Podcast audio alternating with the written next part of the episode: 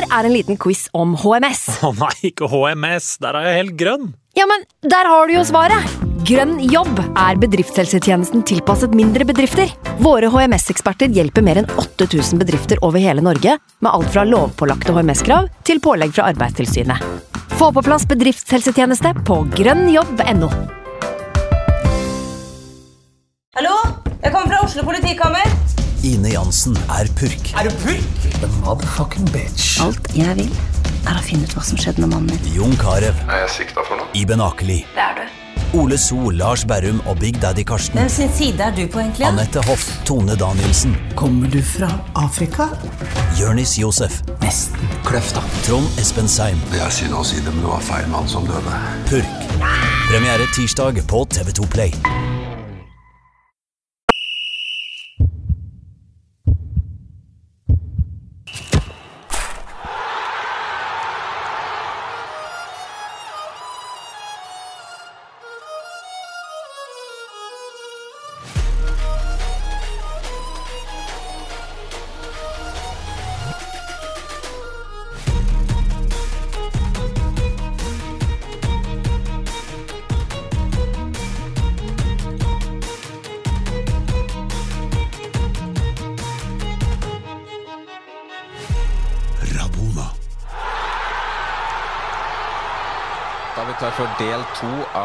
Sandefjord-spesialen. I del én hadde vi med oss både spillere, trenere og administrasjon, og i den delen her skal vi snakke med legender, journalister og supportere.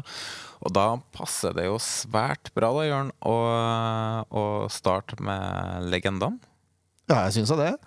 Det er, gøy, det er gøy for meg, det. Ja, det er gøy. Jeg må, det er jo programforplikta til å si at det, sekvensen her, eller eh, episoden her, eh, inneholder reklame. Så der har jeg sagt det, så får ikke jeg noe folk på nakken. Um, I Rosenborg-spesialen så opplevde vi at det var stor suksess å få med to tidligere spillere, eller to legender, da, i studio med Harald Martin Brattbakk og Gøran Sørloth. Uh, vi fikk servert den ene historien etter den uh, andre, så da må vi jo gjenta det i Sandefjord-spesialen. Og vi har derfor uh, med oss uh, Fredrik Magic Thorsen og G. Ludvig Fevang. Velkommen til oss. Takk, takk. takk. Eh, Da vi skulle velge ut eh, to legender til Rosenborg-spesialen, så hadde vi rundt 200 spillere å velge mellom.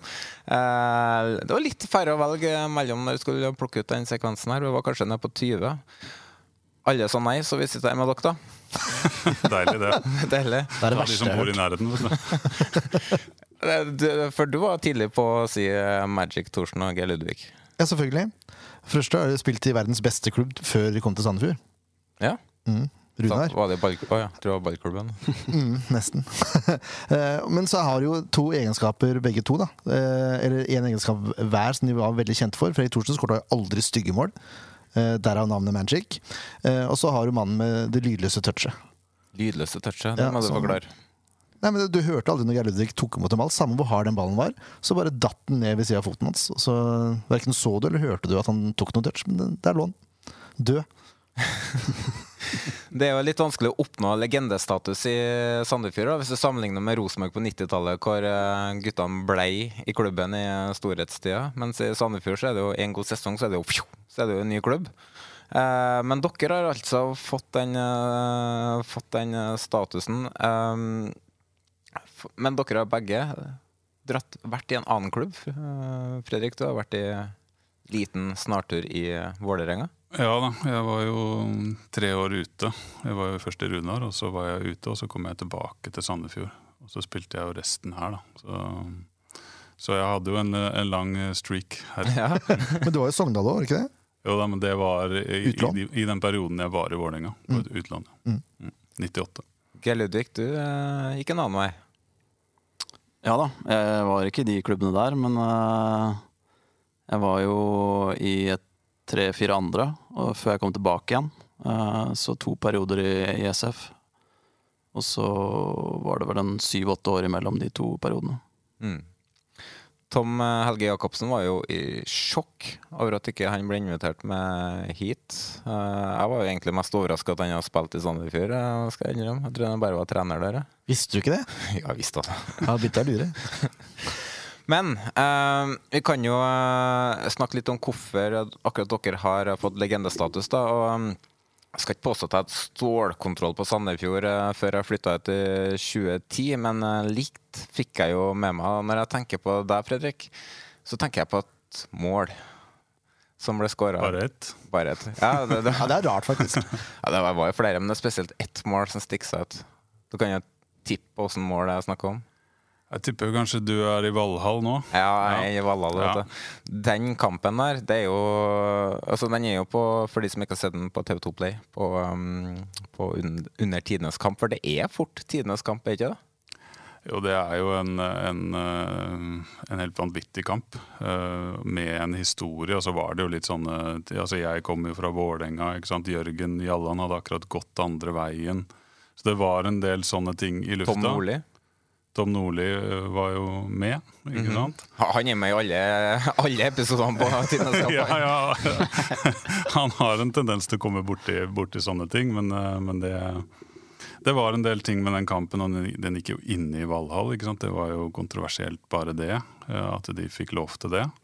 Så, så det, det lå liksom mange ting i lufta der, og så blei det jo et fyrverkeri der inne, da. Etter en, etter en 0-0-kamp her i Sandefjord, eller i Tønsberg, Tønsberg, faktisk. Ja, for Før vi går til Valhall, så har jeg lyst til å snakke om den kampen. da. Den 0-0-kampen, For den er, det er ingen når jeg snakker med folk, som vet at det ble spilt to kamper. Freddy, Freddy Dos Santos vet det. Ja, han han bomma på tidenes sjanse. Ja da. Men eh, man, man, man, ingen som snakker om at det der var et retrooppgjør. At det endte 0-0 i Tønsberg. Uh, og det fikk jeg sjøl vite av Kjetil for uh, ikke så lenge siden. Han, han har faktisk kampen på VHS, hvis dere er interessert. Ikke, ikke nevneverdig interessert. Nei, for, nei, for, uh, før dere Dere spilte 0-0 på Eik før dere dro til, um, til Valla. Og hva, hva husker, Husker dere noe fra den eh, 0-0-kampen, Geir Ludvig? Ja, jeg husker en god del. Jeg husker uh, ganske mye fra oppladninga. For jeg husker jeg blei så irritert på at det ble spilt Vålinga kjerke over stadionanlegget. Når uh, vi var, for, skulle være hjemmelag. Det, det irriterte meg fryktelig under oppvarminga. At uh, man på et eller annet vis skulle please bortesupporterne. Og det har jeg glemt. Ja. Det? Er ikke det, Ja, det er litt sånn uh... Det sier jo litt om, eh, om uh, hvor klubben var. Altså Klubben var jo fem år gammel. Mm. Og det var, jo, det var jo det som var viktig, liksom, at vi fikk besøk. Jeg kan se for meg åssen de hadde reagert på Lerkendal hvis de hadde begynt å skape noen smurfesanger fra Molde. Vi er blå. Nei, altså husker jeg altså, Vi hadde jo spilt mot Brann uh, i en kvalik året før. Og mange av oss hadde jo ikke vært og konkurrert på det nivået her eh, tidligere, så det å, å ha de kampene i, i bagasjen var litt ålreit. Da visste vi litt eh, hva vi gikk til, og så, og så ble det en forventa kamp. Tett og jevn. Vålinga hadde vel de største sjansene, hvis jeg, hvis jeg husker, eh, husker det riktig. Blant annet den du nevnte med Freddy Dos Santos. Men ellers ganske eh, sjansefattig kamp. Så det var jo på ingen måte noen som kunne si seg veldig fornøyd etter den kampen her. Men uh, jeg husker jo klart mest fra det andre oppgjøret, som de fleste gjør. ja. Det må jeg innrømme. Ja, for eh, Fredrik var litt innom uh, rammene der. Uh, at det er utrolig at den ble spilt i Valla. Og det slapp jo inn altfor mye publikum. ja, det var, det var kok. Det var mange inni her. Fire-fem tusen. Fire, tror, ja, rundt fire, mellom fire og fem, ja. Og det er kapasitet til Tre, kanskje? Jeg vet ikke. Nei, nei, det var jo tribune. Det Ja. det, satt Nei, det, var, det var mye mer enn det, tror jeg. ja. Ja. Og eh, den ble leda av eh, Tom Nordli, som sagt er involvert i alle kampene som er på Tidenes kamp på TV 2. Hvordan var Tom Nordli før, i opplandinga før den kampen, Fredrik? Var seg sjøl. Nei da, men altså Han, han, for å bare avbryte, han var jo en trener som ofte hadde følelsene utenpå. Da. Ja. Du så hva han eh, Altså, Tom eh, var jo Det er jo en grunn til at han havner i manesjen, for å si det sånn. Han, han liker jo det. Eh, og det var jo på slutten av hans periode i klubben. Eh, han skulle jo ikke være med videre, og det, det var litt rundt det. Men Tom, eh, bare sånn for å si det, da, så var jo det på slutten av hans periode. Og den perioden er kanskje den viktigste for klubben, eh, sånn isolert sett. da for at vi er der vi er i dag. Det er i hvert fall min mening. Så har det skjedd masse etter det. Men akkurat for å ta, ta det opp et steg, så gjorde jo Tom en fantastisk jobb. han tok oss på en måte inn i manesjen. da. Og, og det liker han jo. Uh, Ja, ja. akkurat hvordan han var før kampen, jeg tror jeg var ganske normal. Da kom det standard spillemøte og litt syltetøyglass og Nonstop og ja, alle, alle, alle de tinga der. De, det var nok ganske normalt, men uh, det var nok verre etter, etter kampen. Da tror jeg ikke han var helt seg sjøl. Nei, for det skjedde jo litt av hvert under den kampen. Den ene er jo det skuddet du hadde, men alt som på en måte kan gå gærent for Sandefjord, gikk jo gærent. Altså Hvis vi snakker om marginer, da, dommeravgjørelser Jeg orker ikke Ditlevsen også. Det det, det, ja, det, det, Men eh, det som er sikkert, er at VAR hadde ikke redda det. Nei, nei, nei. Men eh, hva satt igjen med etter den kampen, eh, Geludvig? Nei, Det var jo helt uh, grusomt. Et av de tyngste øyeblikka jeg har hatt. Uh, og da absolutt det tyngste. Um, og så blir man jo litt uh, Tida går jo, og på et vis leger noe, i hvert fall. Men hvis jeg skal gå tilbake til i etterkant av den kampen der tenke Det er ganske klart for meg hvordan det var. Det var helt svart og bunnløs fortvilelse. Eh, Jeg husker jeg satt ute på gangen. Jeg måtte bare vekk fra alt. Og der var Trym Bergman òg, så vi satt der og gråt litt eh, sammen. Eh, og så var det jo full fyrings fra forskjellige Det er jo ulike personligheter som får utløp for ulike reaksjoner her. Så de fleste var jo absolutt på det med dommer At det var masse dommerfeil og vi var bortdømt osv. Uh, og det Jeg husker at det var noen ting jeg reagerte på underveis i kampen. Uh, men det var først da vi så høydepunktene, i hvert fall. Jeg husker ikke om vi så hele kampen, men vi så i hvert fall en del på bussen hjem.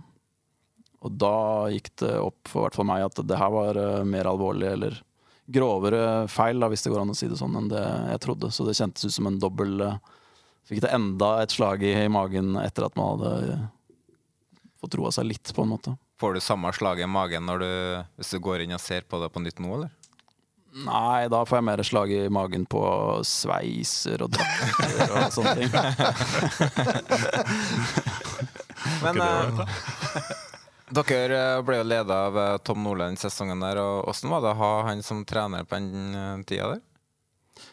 Nei, det er som Fredrik sier, han var jo ikke bare viktig for oss resultatmessig på banen og, og i treningssammenheng for spillerne. Det var noe med hele klubben. Han, eh, han hadde en større kjennskap til hva det vil si å drive profesjonell fotballklubb. Så, så mitt, min mening er at han løfta hele organisasjonen. Og vi var en ung, eh, spillesugen, treningsklar gjeng som uh, gjorde det, det han sa, og det, det funka veldig bra. Så for oss så var det, var det gull verdt. Og så er det jo mange ting å si om metoden hans, men det, det funka bra for oss, uh, i hvert fall.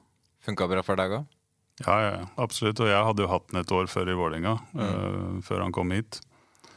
Eh, så jeg fikk jo det sagt til Tom òg, at jeg fikk jo litt svi for det. For da det var jo meg han ringte til, da. Sånn typisk når han kjørte ut av, ut av brakka og hadde noe på hjertet. Så bodde han jo i Skien, Ja. så da måtte du jo sitte og høre på det, da.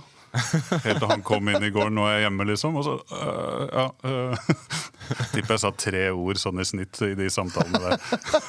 Da fikk han sparra litt, da. Jeg fikk lufta seg Ja, så han fikk noen ja og noen nei liksom innimellom. Men, øh, men øh, nei da, jeg, jeg har øh, stor respekt for Tom, ja, altså. Øh, Og den jobben han gjorde, så er det litt viktig I ettertid så har jo på en måte han vært i andre klubber, og det har ikke gått like bra. Og, og, og det gikk litt skeis etter hvert, men, men den jobben han gjorde i en del klubber, sånn sportslig sett å løfte, det, det, var, øh, det var utrolig viktig og, og imponerende.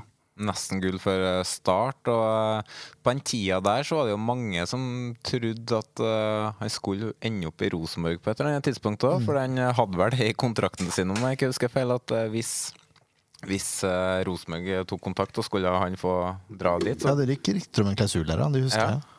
Det er altså både han og Dag Eilev, tror jeg.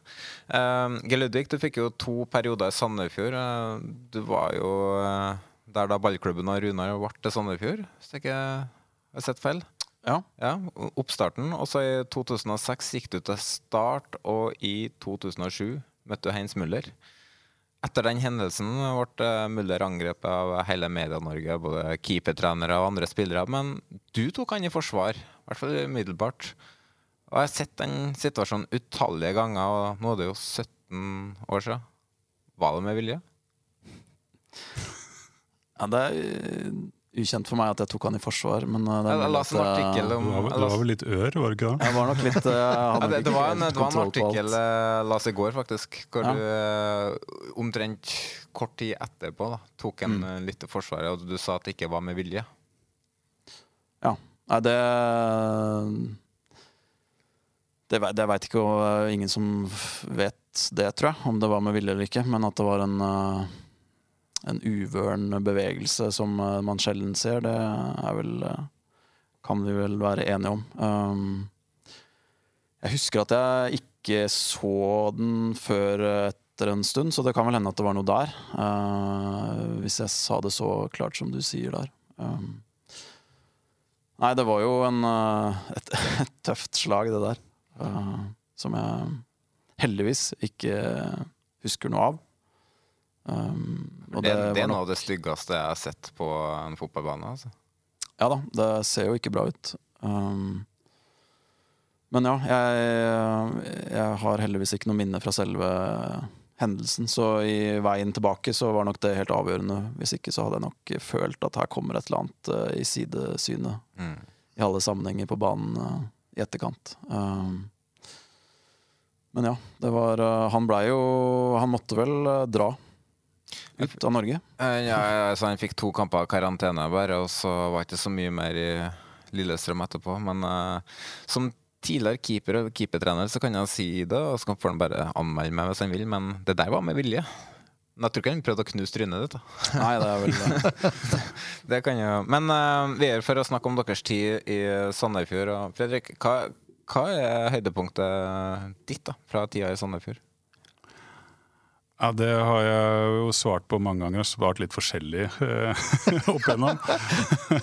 men, eh, på men, dagsform?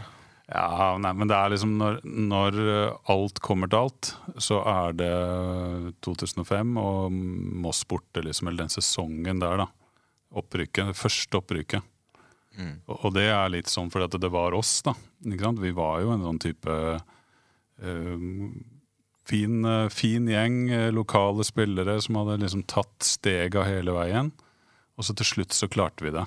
Eh, Etter et par kvaliker, ikke sant. Og en sesong imellom der som vi gjorde noe merkelige, merkelige ting mot slutten. Så det gikk ikke så bra. Og så klarte vi det i 2005. Og det, det var en sånn, Jeg bare husker eh, Da var jeg, jeg si, allerede 30 år, ikke sant. Eh, og jeg bare husker den følelsen fra den kampen, hvor mye det betyr, eller betød. da, ikke sant, Når vi satt der. eh, eh, Jeg var ikke sånn spesielt nervøs før kamper. Jeg var jo spent og var inni, inni meg sjøl. Sånn. I den kampen husker jeg. Husker at jeg var ordentlig nervøs. Sånn, sånn nervøs, liksom. Og så kan det godt hende det var mest meg og noen av de lokale, men vi klarte jo på en måte å ta det ut på banen. Um, og, og vi hadde jo Tegstrøm har jo vært her og prata med dere nå. Han, han var en viktig brikke i den kampen. Uh, men det var på en måte en laginnsats da. på slutten av en sesong som også var en solid laginnsats. Uh, egentlig mange års laginnsats da, for å få til det. Så det, er, uh, det står igjen som høydepunktet, det.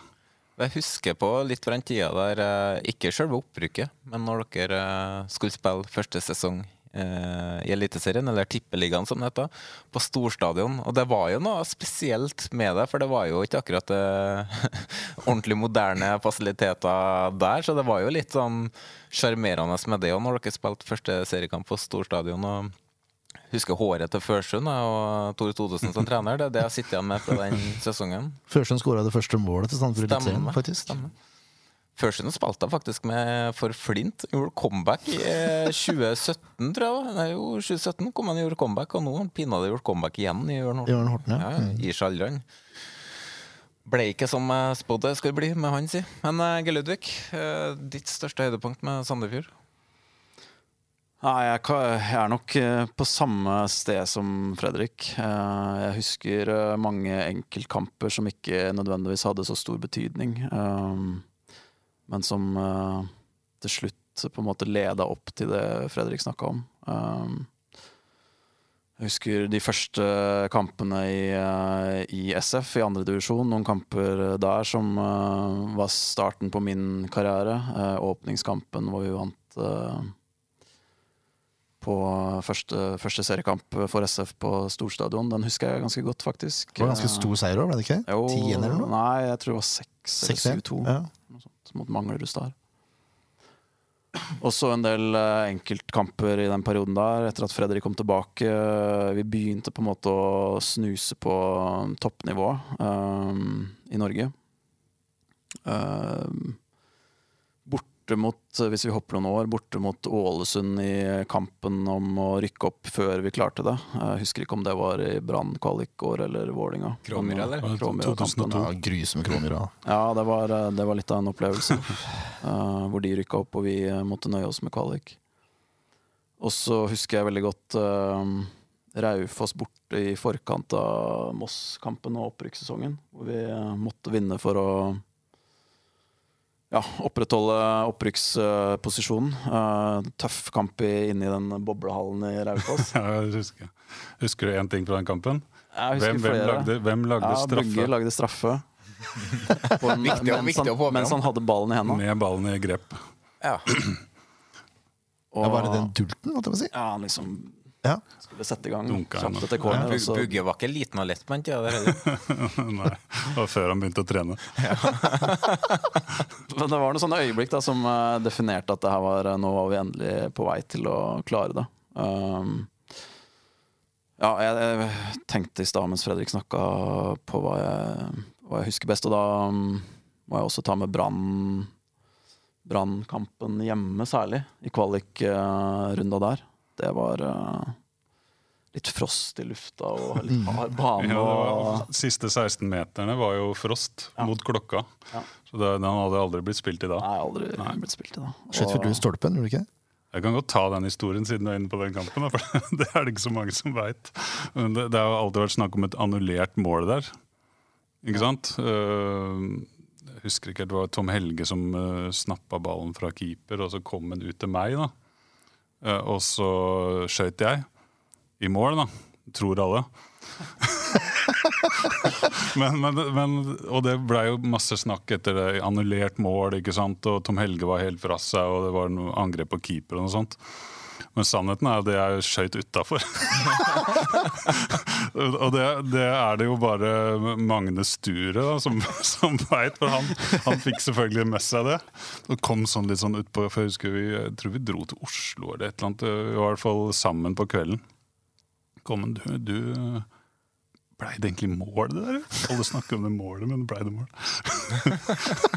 Måtte jeg innrømme det at jeg skjøt utafor til Magne, da. Men, uh, men Ja, for selv om den gikk på TV, så er det selvfølgelig ikke noen bilder som kan plukke opp det. Nei, det var på storstadion, vet du. Det var to kameraer. Ja, det var ikke noe mer enn det, nei. Nei, nei, så, så alle trodde det, da. Men jeg skøyt faktisk utafor. Knut Niesbø på indre bane der, og Ja, det var stort, ass. Men det var jo, ja Vi måtte melde oss, og, og den kampen der som den eh, Det kulminerte jo hele den reisa der med opprykk. Og jeg var jo allerede Jeg hadde jo allerede bestemt meg for at jeg skulle gi meg i Sandefjord etter den sesongen. Så det var jo selvfølgelig veldig, veldig gøy at vi klarte det da, til slutt. Ja, for hvis vi, hvis vi Altså, Sandefjord ble jo topplag i um, førstedivisjon flere år på rad. Kjempa om flere opprykk. Hvis ikke Sandefjord har vært i den situasjonen, hadde jeg blitt eh, profesjonell fotballspiller av deg? Ja, Hvis du ser på meg, så svarer jeg ja. Det hadde jeg blitt uansett? Ingen som kan eh, bekrefte om det stemmer? Ikke? Nei, Men, eh, Jo, du var såpass bra i Runar òg. Morten Fevang ble henta mens han var i Runar, så du kunne fort blitt henta av Runar, du òg. Fredrik ble henta av Runar. Ja, nei, jeg hadde nok noe Jeg hadde nok såpass driv at jeg hadde ikke Det var ikke der det skulle Mm. ende. Men Men det er klart, det, det, det, det skapte jo en arena for mange spillere, Geir inkludert. da At vi på en måte tok steg med Sandefjord. Det er ikke noe tvil om. Hvis vi hadde susa rundt i andredivisjon, så måtte man gått en litt annen vei. Bugge er jo et eksempel Det på det, fordi han eh, tok jo grep med det var ti kilo han gikk ned før en preseason, og plutselig så var han i Molde. Så det er jo eh, Det er jo ikke sikkert at han har eh, levd av fotball og vært eh, daglig leder i Sandefjord i dag, hvis ikke det har vært et topplag i Sandefjord. Vi eh, får skryte litt av Buggo, for han var jo en ekstremt god keeper. Ja, ja, ja. Så, så det er klart, treninga Og det, det er ikke tull, det. altså. Når jeg sa det litt sånn flåsete i stad, så når han virkelig begynte å trene, så, så ble han virkelig god. Ja, det er det jeg mener. Men, men han, selv før det, da vi, skulle, vi spilte fire mot fire, så fikk Bugge på lag, så, så var det greit. Da, da kunne du vedde hva som helst, for da vant vi. Ja. Sånn var det, liksom. Så, så det skal han, det skal, den skal han få. Han var jo bra keeper. Landslagskeeper òg, så Ja, rett og slett. Men det er en grunn til at legendene kommer fra denne tidsperioden. Da. For det var liksom starten på SFs historiesperiode. Altså både publikumsmessig og, eh, og interessemessig i byen. Da. Altså det var den samlinga både på Torp og på torget etter Melhuskampen. Det kommer vi, kommer vi til å se det noen gang igjen i Sandefjord? Det tror jeg ikke. Nei, da må man jo gå eh, Champions League, opp, eller- liksom. ja. Nei, men, eh, Ta medalje i serien eller et eller annet. Sammenligne med andre plasser, se hva de har eh, fått til Tromsø nå, på publikumssida. Se hva, hva de er i Bodø. Hva, hva var Bodø i 2016, da? Det er jo mulig å skape interesse. Det er, jo, er man veldig glad i byen sin, så vil man jo bli veldig glad i fotballaget hvis fotballaget gjør det bra. tenker. Men man stengte av Torgata, var det vel? Og så hadde man en scene eh, der som McDonald's er nå. da Der sto det en scene, og det var tettpakka med folk der, så vidt jeg kan huske. Altså, det var tjokka fullt i gata der, liksom. Det var helt ellevilt. Men uh, utvilsomt har jo Sandefjord, eh, og det har vi sett de siste sesongene, med marginer som gjør at vi er med og bli, forblir eh, et topplag eh, og ikke. Det var jo på den tida der òg. Til spørsmålet ditt om jeg ville hadde vært eh, to- eh, profesjonell spiller eller ikke, det, det vet man jo ikke. Men for klubbens del så var det noen år som det sto og falt litt på. Vi så jo i Tønsberg at de hadde noen forsøk, og så rykka de ned fra Obos, eller førstedivisjon som det kanskje het. Ja, Dekko, kanskje? Adecco er mer riktig å Mm. si, ja. Uh, og, så, og så løste det seg opp, på en måte. Men vi hadde jo noen sånne tilfeller de første åra i første divisjon også, hvor det det sto litt og falt på enkeltkamper. og et annet øyeblikk som jeg husker utrolig godt, er jo Fredriks scoring uh, Eller Hønefoss. mot Fønefoss, LF Hønefoss eh, i en helt avgjørende kamp for å holde seg i, i Adecco. Og hvis noen syns det målet mot Vålinga i Valhall eh, var bra, så er det, er det der et enda hakket Hakket over. Ja, hakk over. Ja, nei, Det er faktisk helt, helt utrolig mål. Ja, Det er, vet du hva, det er det mest dusteste jeg har sett noen ja, gang. Fordi alle på tribunen ble jo sure for at Fredrik gikk for skudd. For det er, Vi snakker 40 meter, altså. Og den ballen gikk som en rakett. Og den, steig, den begynte fem centimeter fra bakken, og så steig den, og så traff den krøsset i mål. Egil Ahlsen eh, Det var litt den Ja. ballbanen. Ja, det er det villeste jeg har sett.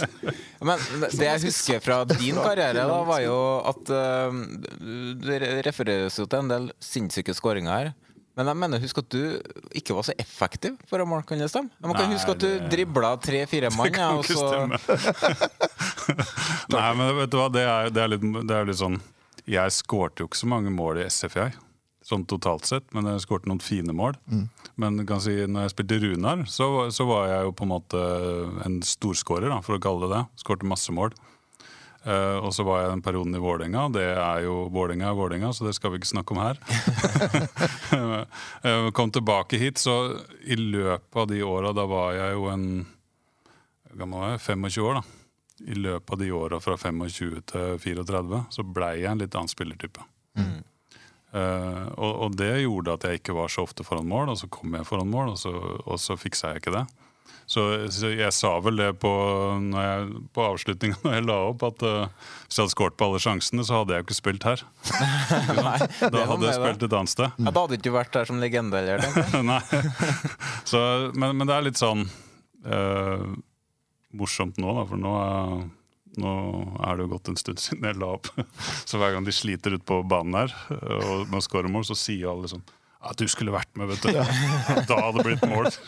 Og da bare nikker jeg sånn rolig. Så hvis, Hvis, jeg, ja, ja, ja. hvis stod på 40 meter, så jeg kunne jeg blitt um, Men du var jo en hardtarbeidende spiss. Det er litt sånn à la Tveter i første press og sånn, da. Kan Ja, jeg kjenner meg litt igjen i han, faktisk. Og, Ja. og det, det blir sånn at hvis du bruker så mye energi i, i banen, da, og i, i det defensive, egentlig, men også i det offensive Under Tore Todesen, jeg løper jo mer da enn noen gang, ikke sant? Også offensivt. øh, men bruker mye krefter, da. så kan du ikke forvente at du skal være den beste innafor 16. Det fikk Tom Helge nyte godt av.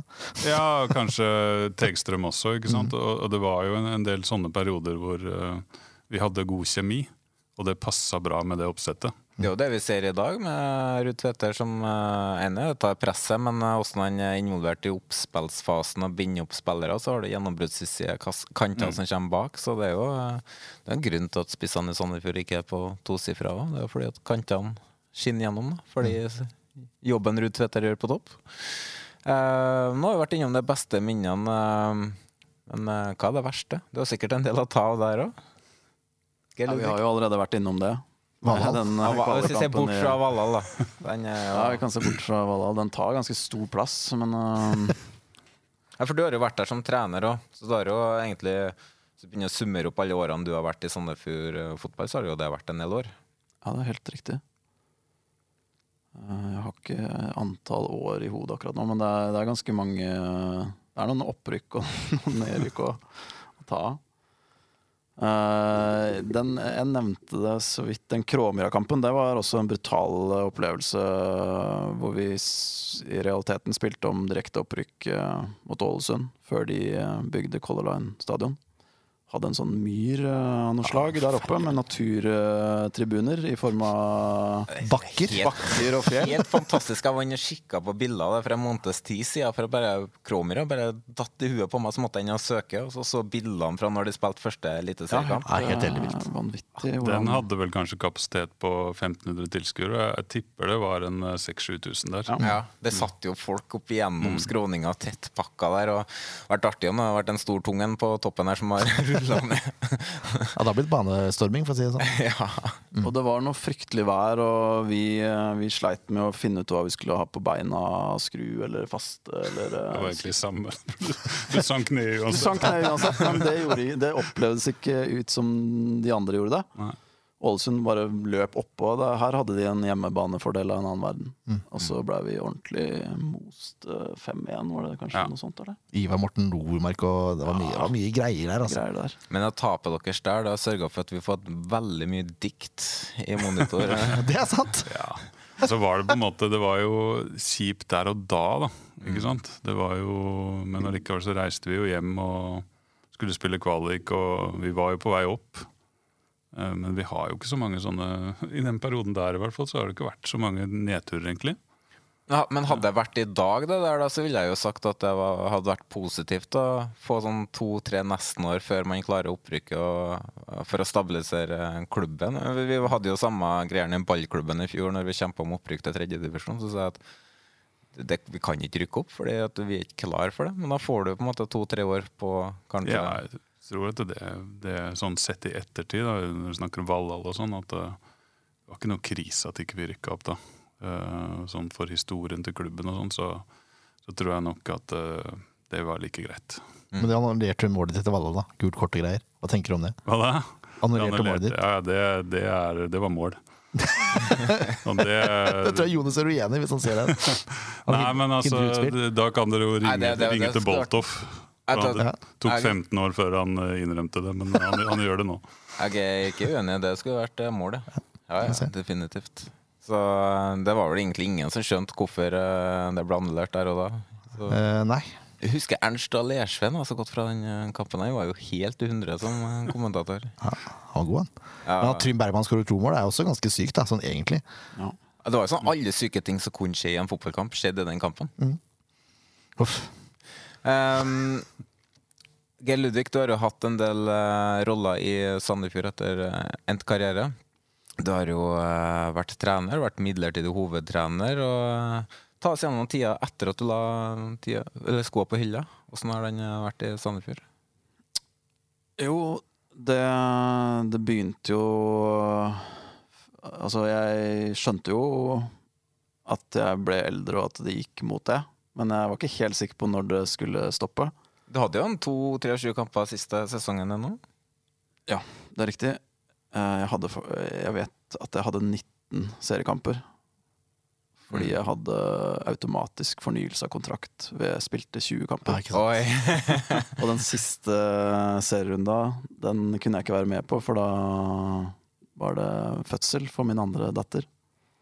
Så det var jo ironisk nok eh, sånn det blei. Eh, ikke en automatisk ettårig forlengelse. Det var sikkert greit, det, altså. Men jeg hadde i hvert fall eh, Jeg kunne godt tenkt meg å fortsette, men eh, så, så ville ikke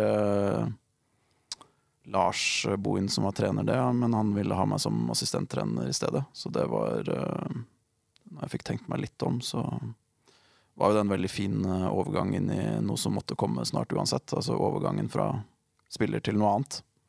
Og akkurat hva noe annet var, det, det, var jeg ikke helt sikker på, men jeg hadde jo veldig lyst til å fortsette i fotballen. Um, så å få den muligheten der var veldig ålreit. Å jobbe med Lars var veldig lærerikt, og de andre i teamet også. Um, og vi hadde det Vi hadde jo rykka opp da det siste året mitt som spiller uh, igjen, i 2016. 2016, ja. Og så um, gjorde vi det godt i 2017-sesongen i, uh, i Eliteserien. Så dro Lars til Ålesund, og så ble det et litt sånn turbulent år 2018 med, med tre ulike i hovedsetet, meg inkludert. Uh, såpass rotete at det ble for mye for klubben. Eller for, vi, vi, vi var ikke gode nok det året der, uh, på mange måter, og rykka ned igjen. Og så starta en veldig god periode sammen med Marti og Jordi og Havi, som fortsatt er her. Uh, og, og, resten av de som var delaktige der. Uh, og vi rykka opp igjen og fikk et bra, nok et bra år i Eliteserien etter det i 2020. Og så har det blitt forvalta veldig bra seinere også. Uh, men for egen del så var det nødvendig å ta en fot i bakken og prøve å løse livskabalen litt bedre for å legge mer til rette for familielivet. Da hadde jeg vært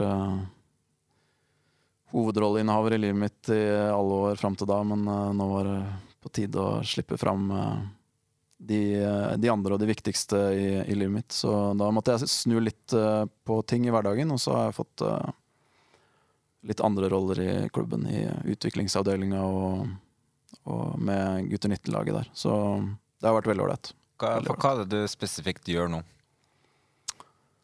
Det er jo et godt spørsmål. Det vet jeg ikke om greit noen ganger å bare la det være en hemmelighet, så folk ikke Nei da, jeg har uh, Vi har um, Det er et veldig sterkt signal til de som bestemmer i klubben, styret og, og de ansvarlige, uh, og skal nevnes. Fordi i fjor, før det var klart om vi skulle holde oss i Eliteserien eller ikke. Så, og det er jo økonomisk veldig stor forskjell på det.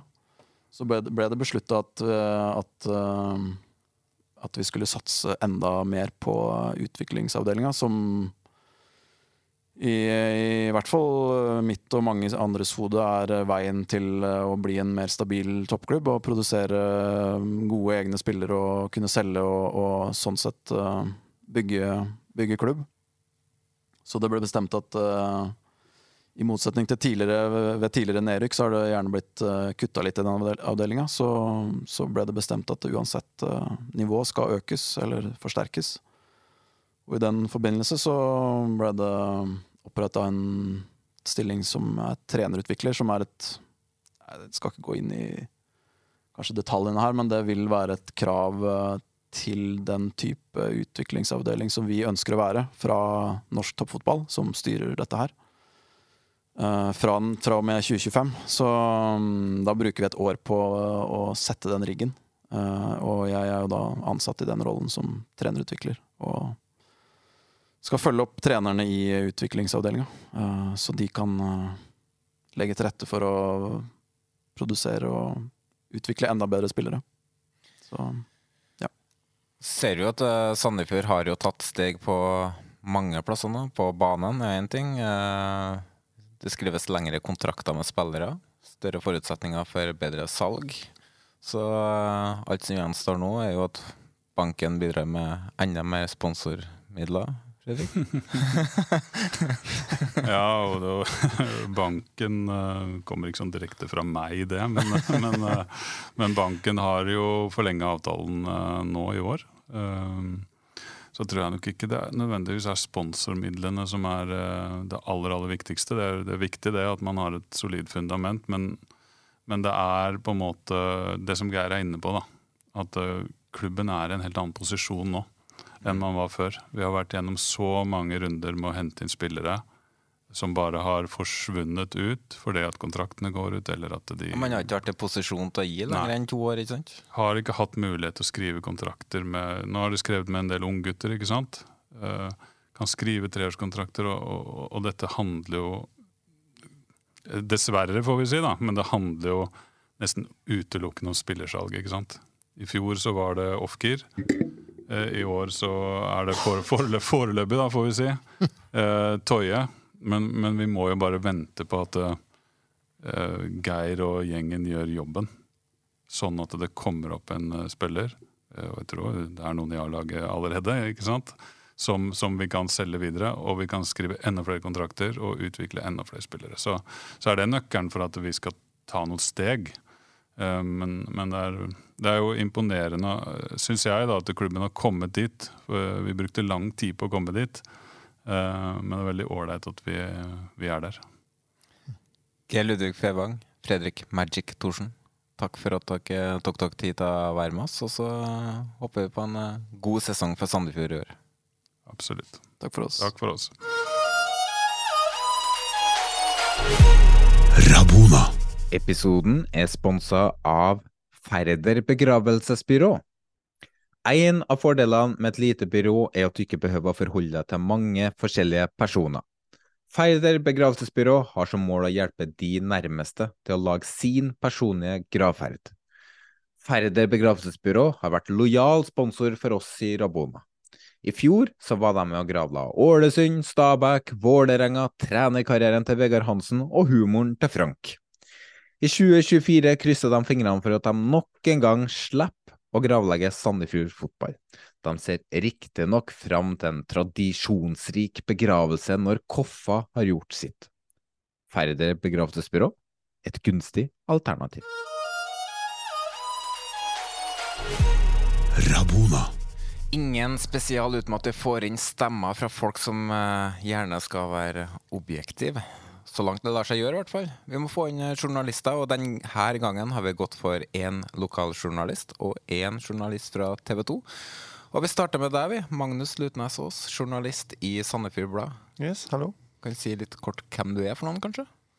Uh, godt kjent med andre journalisten i, i studio, også fra, fra Moss. Uh, Eh, kjent i Sandefjord, kjent i Sandefjords Blad de siste tre åra. I alle de tre åra har jeg egentlig jobba med Sandefjord fotball. Uh, tatt over noen roller eh, der og prøvd å, prøvd å skrive mest mulig interessant om ja, den klubben jeg syns er mest interessant.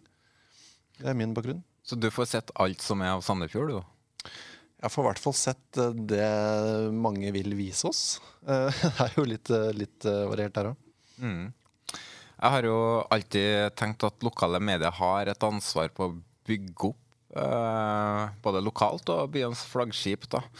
Uh, som i dette tilfellet Sandefjord fotball. Bidrar Sandefjord blant nok tenker du, til å bygge opp interessen og entusiasmen rundt fotballklubben? Uh, jeg har jo lyst til å si ja, men jeg må jo også si at det er en veldig utfordrende oppgave. jeg tror nok at mange fans tror at vår eneste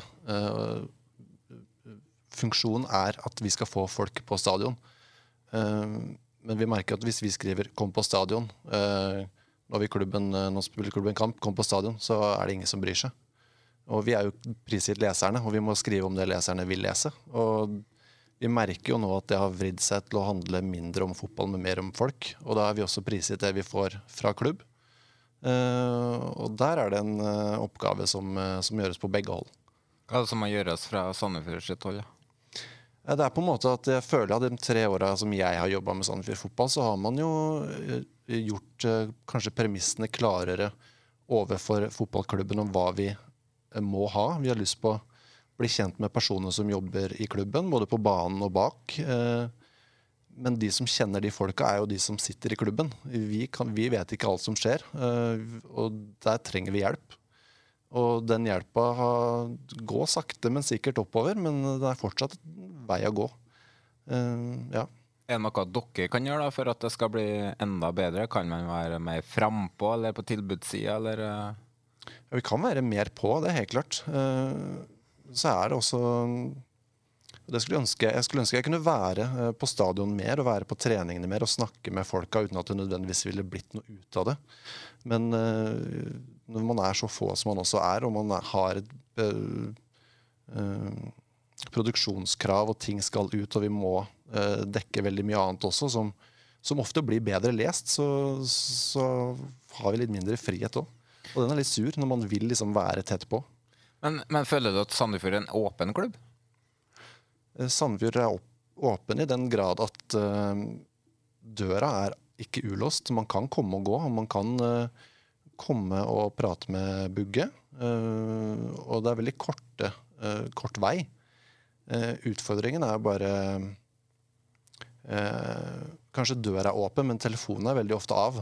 Eller avstand digitalt er veldig langt. Sånn hvis vi vet at noe er i emming, så, så er det ikke lett å få tak i verken støtteapparat eller spillere, egentlig. Uh, og der trenger vi litt hjelp, og der er det, der er det litt vanskelig. Så både òg, vil jeg si. Fysisk, ja, men uh, digitalt kanskje ikke like mye. Det er jo litt vanskelig, det der, for det er jo når eh, klubber skal kjøpe og selge en spiller, så vil man jo Hvis Sandefjord skal kjøpe en spiller, da, så vil jo helst ikke at den saken skal komme ut. For da er det jo større sjanse for at andre klubber kan kaste seg på. Ja. Det er jo en ting. Men så, når du selger igjen, så kan det være motsatt. At du vil at, at det skal komme ut. Det er jo et eh, samspill med agenter og, og sånn. Men, eh, men uh, hva tenker du, Jørn? Altså, min opplevelse av Sandefjord er jo at øh, kanskje den klubben i Eliteserien har vært lettest å jobbe med. Jeg vet ikke hva du tenker? Uh, nei, jeg har jo hatt SV på den nå i snart ti år, som sagt. og det er få ganger jeg mm, har opplevd at jeg ikke har fått tak i den jeg vil, på en måte. Men vi har ikke noe deadline. Altså, Vi har som regel en innspillingsdato, og der kan vi også eh, justere det etter når det passer for eventuell gjest. da. Så jeg vet ikke om jeg kan si det er det samme båt som, som lokalavis akkurat der, fordi vi, litt, vi, kan være litt mer fleksible. Og så er ikke vi journalister, da. Verken oss eller dere. Nettopp. Nei, og vi er ikke vi trenger heller ikke de breaking newsa. Da, på en måte. Vi hadde syntes det vært veldig gøy, selvfølgelig. Og det syns. Men ja. jeg, det er ikke noe jeg er avhengig av. For jeg skal, jeg skal, bli kjent med den personen som sitter overfor meg, på en måte, og har som regel en time til det. Uh, det er det som sier, Vi, vi er ikke journalister. Vi, vi, får jo ofte breaking news, men vi, vi, får ikke lov til å gå ut med det. Så Nei, det er litt annen, helt annen setting vi er i der. da. Ja. Uh, men uh, vi har jo med oss eh, flere her. Uh, vi har jo med oss en kjent stemme fra TV 2. Amund. Hallo, hallo. Gratulerer med dagen. Jo, takk for det. takk for det 36 år i dag, halvveis til 72. det er sterk hoderegning. Nærmere 72 enn null. Det... Ja, det, er, det gikk opp for meg i, i fjor, da jeg ble 35. Da var jeg nærmere 40 år enn jeg var 30 års. Mm. Nå, nå, ser du på en som fyller 40 i mai. Så. Nok en gang yngst i rommet, så jeg trives der. Men har du med selfiestanga, eller? Den ligger klar i sekken. Oi, oi. Jeg har med den. Det er jo, Amund ble jo, gikk jo viralt han, eh, på Twitter når han endelig fikk seg selfiestang der. En av de artigste videoene jeg har sett. Den må du få posta på nett. Jeg lurer på om du faktisk var gjest i Gjestefoden rundt i tiden der. For jeg innrømmer at jeg har spurt om det der, spurt om det der før. Ja, det er sant. det Den mm. uh, selfiestanga blei veldig populær, den. Ja, ble det? På sosiale medier. Jeg var skuffa over at ikke du la opp bilder fra, nei, bilder fra bryllupet med selfiestang. Nei, nei, da hadde vi egen, uh, egen, fotograf, så han hadde full kontroll der. Ja. Men uh, dere to kjenner hverandre? Vi kjenner hverandre veldig godt. Vi er jo til dels egentlig oppvokst uh, sammen i uh, Moss. Uh, spilt veldig mye fotballspill sammen. Men jeg satt og tenkte litt på det i stad, for jeg så det tikka inn et spørsmål. Har vi egentlig møtt hverandre offisielt i kamp? Jeg for Sprint i Jeløy, som var min klubb, og du for Eckholt? Nei, ikke for å hive deg under bussen heller, men vi møttes første laga. det, ja, for jeg var, aldri, jeg var veldig sjelden på førstelaget til Sprintero. Jeg var, var på annetlaget. Så ja, det er vel egentlig kanskje svaret på det spørsmålet. Jeg veit ikke, men jeg, jeg, legger det ut der. Ja. men sånn helt kort nå, siden det er to mossinger som sitter her. Uh, nei, Du skal spille en episode i kveld, du? Ja, uh, den har allerede kommet ut for de som lytter på ja, det her. Selvfølgelig. Men uh, jo, vi skal snakke litt om uh, Moss. Det skal vi. Ja, Da trenger vi ikke ta det nå. Nei, Vi kan referere til den episoden. Jeg aner ikke hva vi sier i den episoden. uh, når vi spiller den men Det er sikkert veldig bra, så det bør du høre på. Ja. Du som lytter. Um, Amund, du er på en del treninger, og jeg har fått et spørsmål. hva var det Hans Erik Ødegaard sa om frakken din på en trening i fjor? ja, nei, jeg har jo en sånn ganske sånn, uh, så fin, uh, fin frakk som jeg tok på ikke, Den er ikke så varm, så tenkte jeg det var uh, fint å se litt staselig ut. Og så Hans Erik Ødegaard jobber jo også med jobber jo med klær, så han veit jo hva det skal gå i. Så han uh, kalte det blotterfrakken. Tok på den i dag. Så da ble det første og eneste gangen jeg brukte den uh, frakken. Fikk også noen kommentarer av, uh, av Pålerud også, som jogga, jogga, forbi og var ikke, var ikke sånn kjempeimponert av den frakken. Så den henger langt inn i skapet nå. jeg visste ikke at det var et vanlig uttrykk i konfeksjonsbransjen. Blottefrakken. Blotterfrakken. Sånn, sånn, sånn, frakk, sånn som, det er kanskje en eldgammel referanse der, men Larssons gale verden. Ja, jeg Sånn type frakk som er litt lang. Ja. Jeg, har, jeg fikk en sånn regnjakke av samboeren min. Samboeren min er fryktelig dårlig til å kjøpe uh, julegaver. Vi har truffet på to siste. da, det skal sies. Farris bad og tatovering. Men uh, årene før har jeg bomma kraftig, så jeg fikk en sånn lang, grå uh, regnfrakk. Så ut som Inspector Gadget. Og det er òg veldig tynn referanse. Ja, det, men da, det var sånn blottefrakk der du hadde bare sånn knapper kunne bare tjom. Trenchcoat tror jeg det heter på fagspråket, ja, faktisk. Det kan være. Det er fagspråket, ja. Mm. Det folkemunne er uh, blottejakke. blottejakke. men uh, Magnus, det uh, Sandefjord har kommet tilbake fra ferie, og det har skjedd ganske mye nå i klubben. Mange ut og mange inn. Litt typisk egentlig Sandefjord. Uh, hva er status slik du ser det nå på troppen? Eh, man må jo si at man er like spent som man er hvert år. og Hvert år så er det mange ut og mange inn. og Selv om det har vært mange ut og inn denne vinteren òg, så er det jo færre enn det har vært tidligere. Uh, foreløpig? Ja, foreløpig. Men jeg syns det er utrolig vanskelig å spå. fordi også i likhet med andre år så kommer det inn folk man aldri har hørt om, uh, og vet helt uh, ståa på. Og det er begrensa hva man kan se i løpet av to treninger, eller egentlig to uker med trening også. de hentes fra fra lavere divisjoner. De har kanskje hatt uh, uh, vært spådd lyse framtider, og så har det gått noen år, og nå plutselig dukker det opp igjen, og så skal man vite hvor de står. Og det er jo uh, vanskelig, altså. Så jeg I utgangspunktet så syns jeg jo det ser litt svakere ut enn de gjorde på avslutninga i fjor. Rett og slett fordi noen giganter bak i Forsvaret har gått ut. Og noen usikre kort på vei inn. Samtidig så er det jo noen, eh, midtbane, noen midtbanespillere og vinger som også kan være utrolig spennende. Men de er jo, det er vanskelig å si før man får sett de spesielt i kamp. da.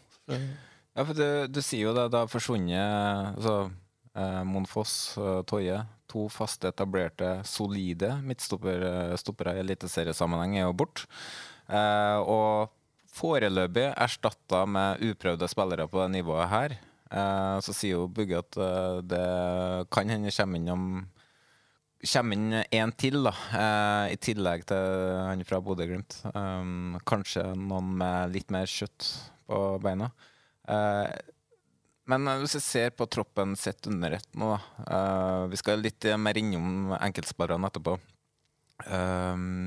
Har de funnet gull nå, tror du? Igjen? Sånn som når de henter Al Sayed, ingen har hørt om. Og så viser det seg at det her er jo det er jo gull. Tror du de har klart det igjen? Det blir jo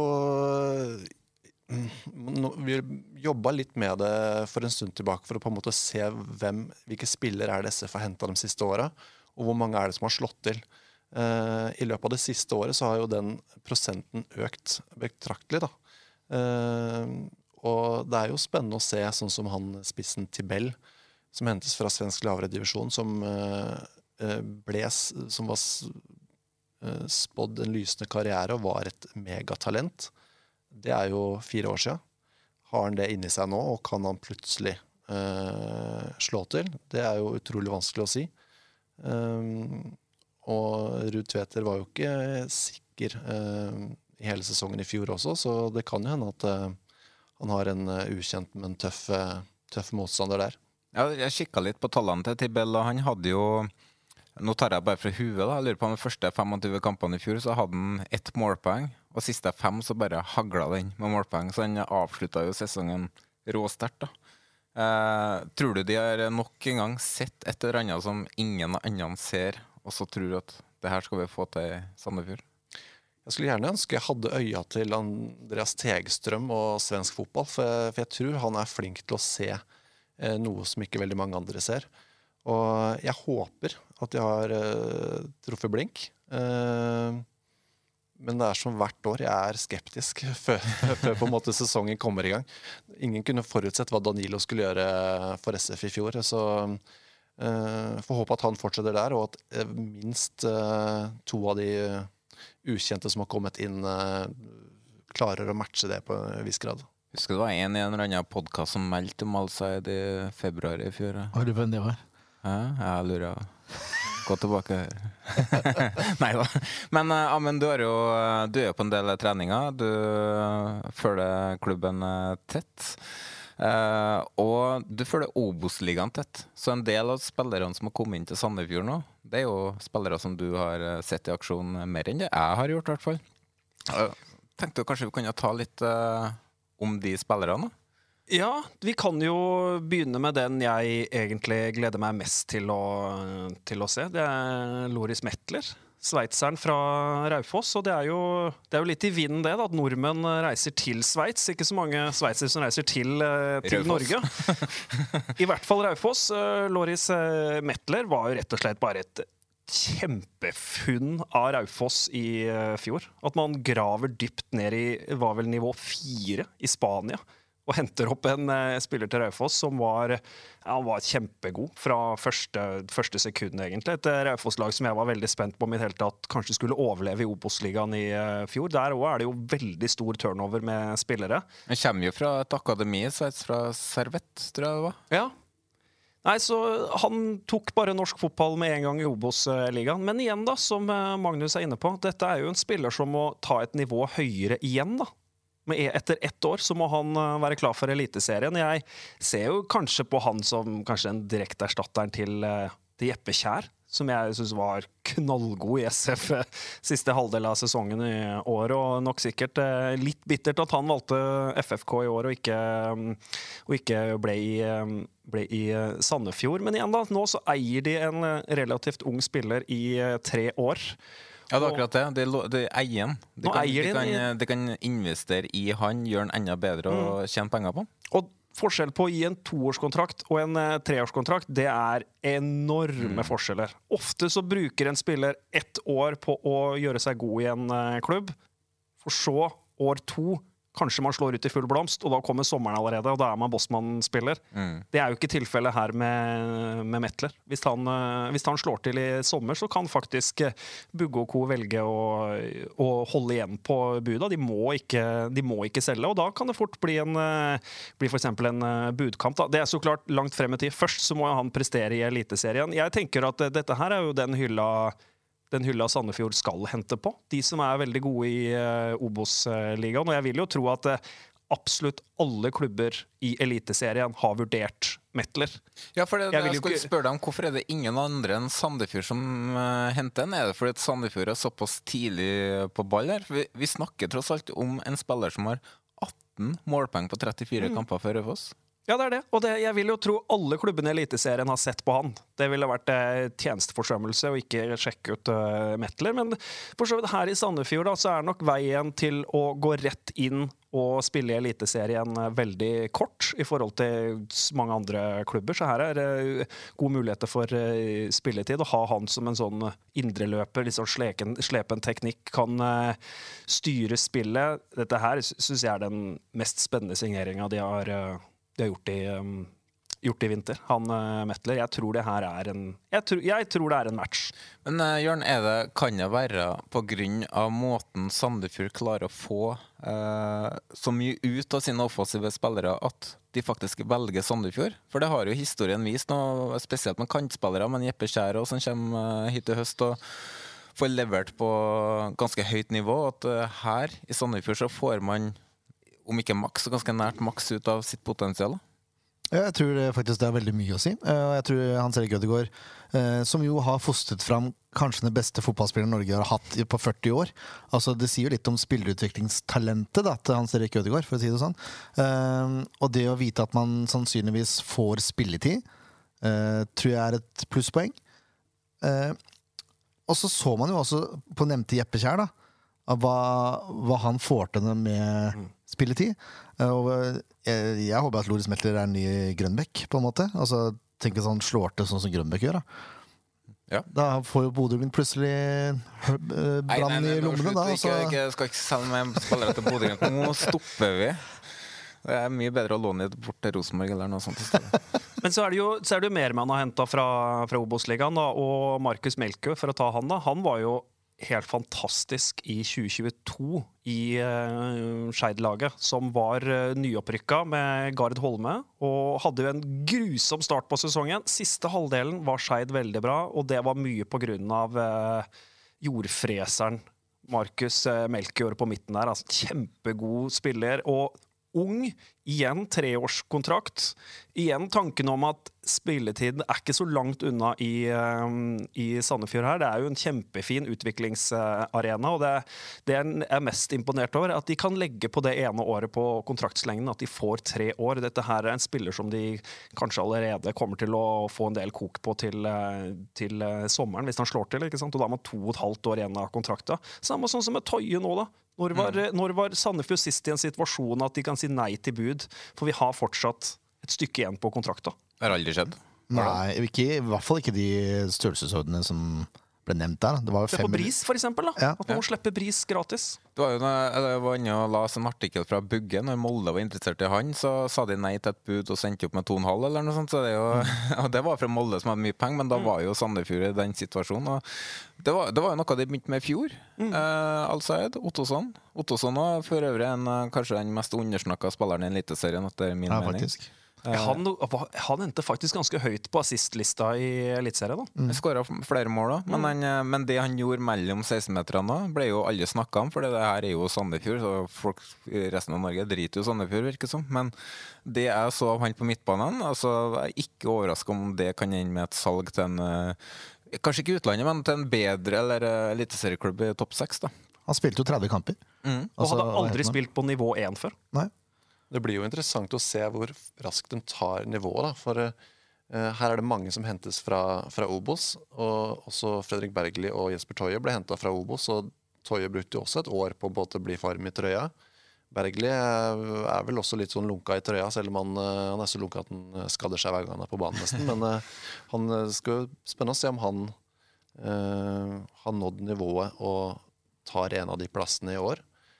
Skal vi se da om også van der Spa er, eh, er en Bergli, eller om han er en Toye og trenger et halvt år eller et år, eller Jeg synes du, du nevner jo to stoppere der. Da. Jeg, jeg syns det er litt forskjell der. da Fordi at jeg tror det er mye vanskeligere å spille stoppere i Sandefjord enn det å spille offensiv midtbane på et offensivt lag som har en offensiv inngang til kampene. Da er det lettere å spille på sine styrker. Og så har Det er ikke bare forsvarsspillerne i Sandefjord som sliter, det er alle elleve. Eh, Et godt eksempel er jo mot Rosenborg, hvor de kjører over Rosenborg i 45 minutter, og så blir det feig i andre omgangen og legger seg bakpå. Så ser man hvor sårbar laget faktisk er. da Og da ser plutselig hver enkelt spiller ut som at de ikke holder nivået lenger. Så det er jo og det er jo Og Da er det jo ekstra viktig også, da, at de spillerne de henter for å spille bak eh, fra Obos nå, gjør det bra, og egentlig ganske fort. Og det å Melchior kan jo være en sånn type signering som skal gjøre de bak enda bedre. Mm. Du sier jo jordfreser. Det er kanskje det er også blitt brukt til Ja. å beskrive den. Men også, også Ottosson nå. Altså, herregud, så viktig han var i fjor. Og han skulle jo erstatte Harmet Singh, da. Ja. Faktisk. Det han. inn. Ja, det klarte han så absolutt. Og eh, så er det, hvis vi går videre på Obos-lista, så er det Andreas Fander Spa, som har noen år på baken nå i, eh, i Obos-ligaen. Vært fast i Sogndal. En, jeg vil klassifisere han som en, eh, som en sånn duellstopper. Mm. Sterk i, sterk i duellene.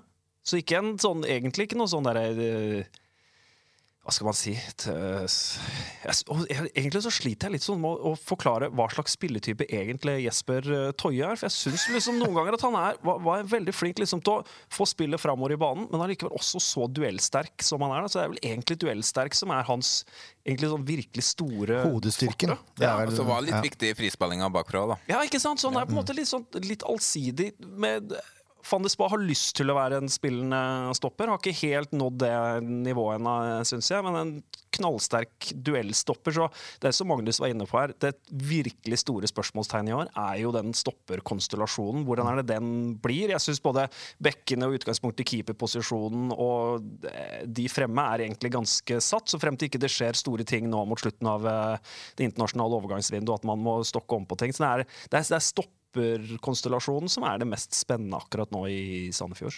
Og van der Spa er jo omskurt midtbanespiller òg, hvis ikke jeg tar helt feil. Ja, han, han spilte dyptliggende i Arendal, mm. husker jeg. Ja. Uh, jeg tror ikke han har spilt midtstopper før han kom til Sogndal. Eller Arendal, jeg er litt usikker, men han ble i hvert fall omskulert et sted. Mm. Og da har han spilt midtbane hele livet. Så han burde jo være ballsterk, da. Ja. Mm. Hvis vi ser litt på spillere ut, da. Magnus, kan det skje ting der? Altså, Danilo har jo snakka om, så det vet jo kan jo skje ting når som helst. Før episoden kommer ut eh, til meg.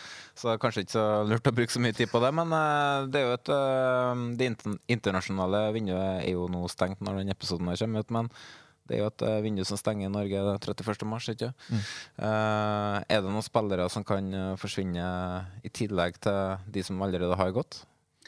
Eh, det tror jeg definitivt. Og det blir, eh, det blir spennende å se om de får eh, holdt på Danilo. Jeg var også veldig spent på hvordan han ville prestere i et eventuelt Asiamesterskap og, og, og, bruke det som et utstillingsvindu. Nå endte jo det eh, oppholdet eh, kort med at han reiste hjem tidligere enn planlagt. Så kanskje det er positivt for, eh, for SFs sjanser til å beholde han. ellers så er det jo også knytta Eh, spørsmålstegn rundt flere på midten der, syns jeg. da. Eh, ikke nødvendigvis fordi de har tiltrukket seg enormt med interesse, men fordi framtida i SF kanskje ser uklart ut. I tillegg så er vel nå, etter det jeg eh, vet, utenlandskvota fullt, fylt opp. Ni av ni. Så vi har en Kini Nair på midtbanen som spilte lite i slutten, og kanskje ser en usikker framtid. Eller så kan også Nilsson være en aktuell spiller som jeg også tror eh, flere klubber kan være interessert i. Da. For, han, eh, for når han er god, så er han, eh, så er han veldig god. Ja, virkelig. Det er han. Det er rart at Vetlevald egentlig ikke blir hausa mer oppå, egentlig. Jo, han har jo blitt altså Når Viking på Dinama var ferdig Viking, eller de skulle ha ny venstreback, så ble han nevnt, men Viking har jo problemer nok som det med å beholde spillere akkurat nå. eh, når Brann eh, solgte eh, Wolfe til utlandet, så var jo, var jo Vetlevald egentlig nevnt der. Eh, så jeg tror han står på blokka til flere klubber. Uh, samtidig som jeg tror det er veldig lurt av han å bli ett år til i Sandefjord. Absolutt. Um, han, han, også var jo en, eh, Kall det en litt, litt, sånn forandring i klubben. Og når han signerte den kontrakta ut 2026, så tenkte jeg bare sånn Å fader, det nå begynner å bli egentlig litt på stell på kontoret her oppe. Nå har man kontroll på ungguttene sine. Det var jo garantert bro, yngstebror Sindre som gjorde at eh, det ble jo, ble et kjempestort irritasjonsmoment ser jeg for meg her oppe, at man ikke fikk noe ordentlig kontrakt på Sindre. Man prøvde jo alt man kunne, men han valgte, valgte Nordsjælland. Men da har man fått Vetle på en god og lang kontrakt, og man veit liksom at han er en dritgod eliteseriespiller, og vi kan kanskje selge han om ett år. Mm, definitivt.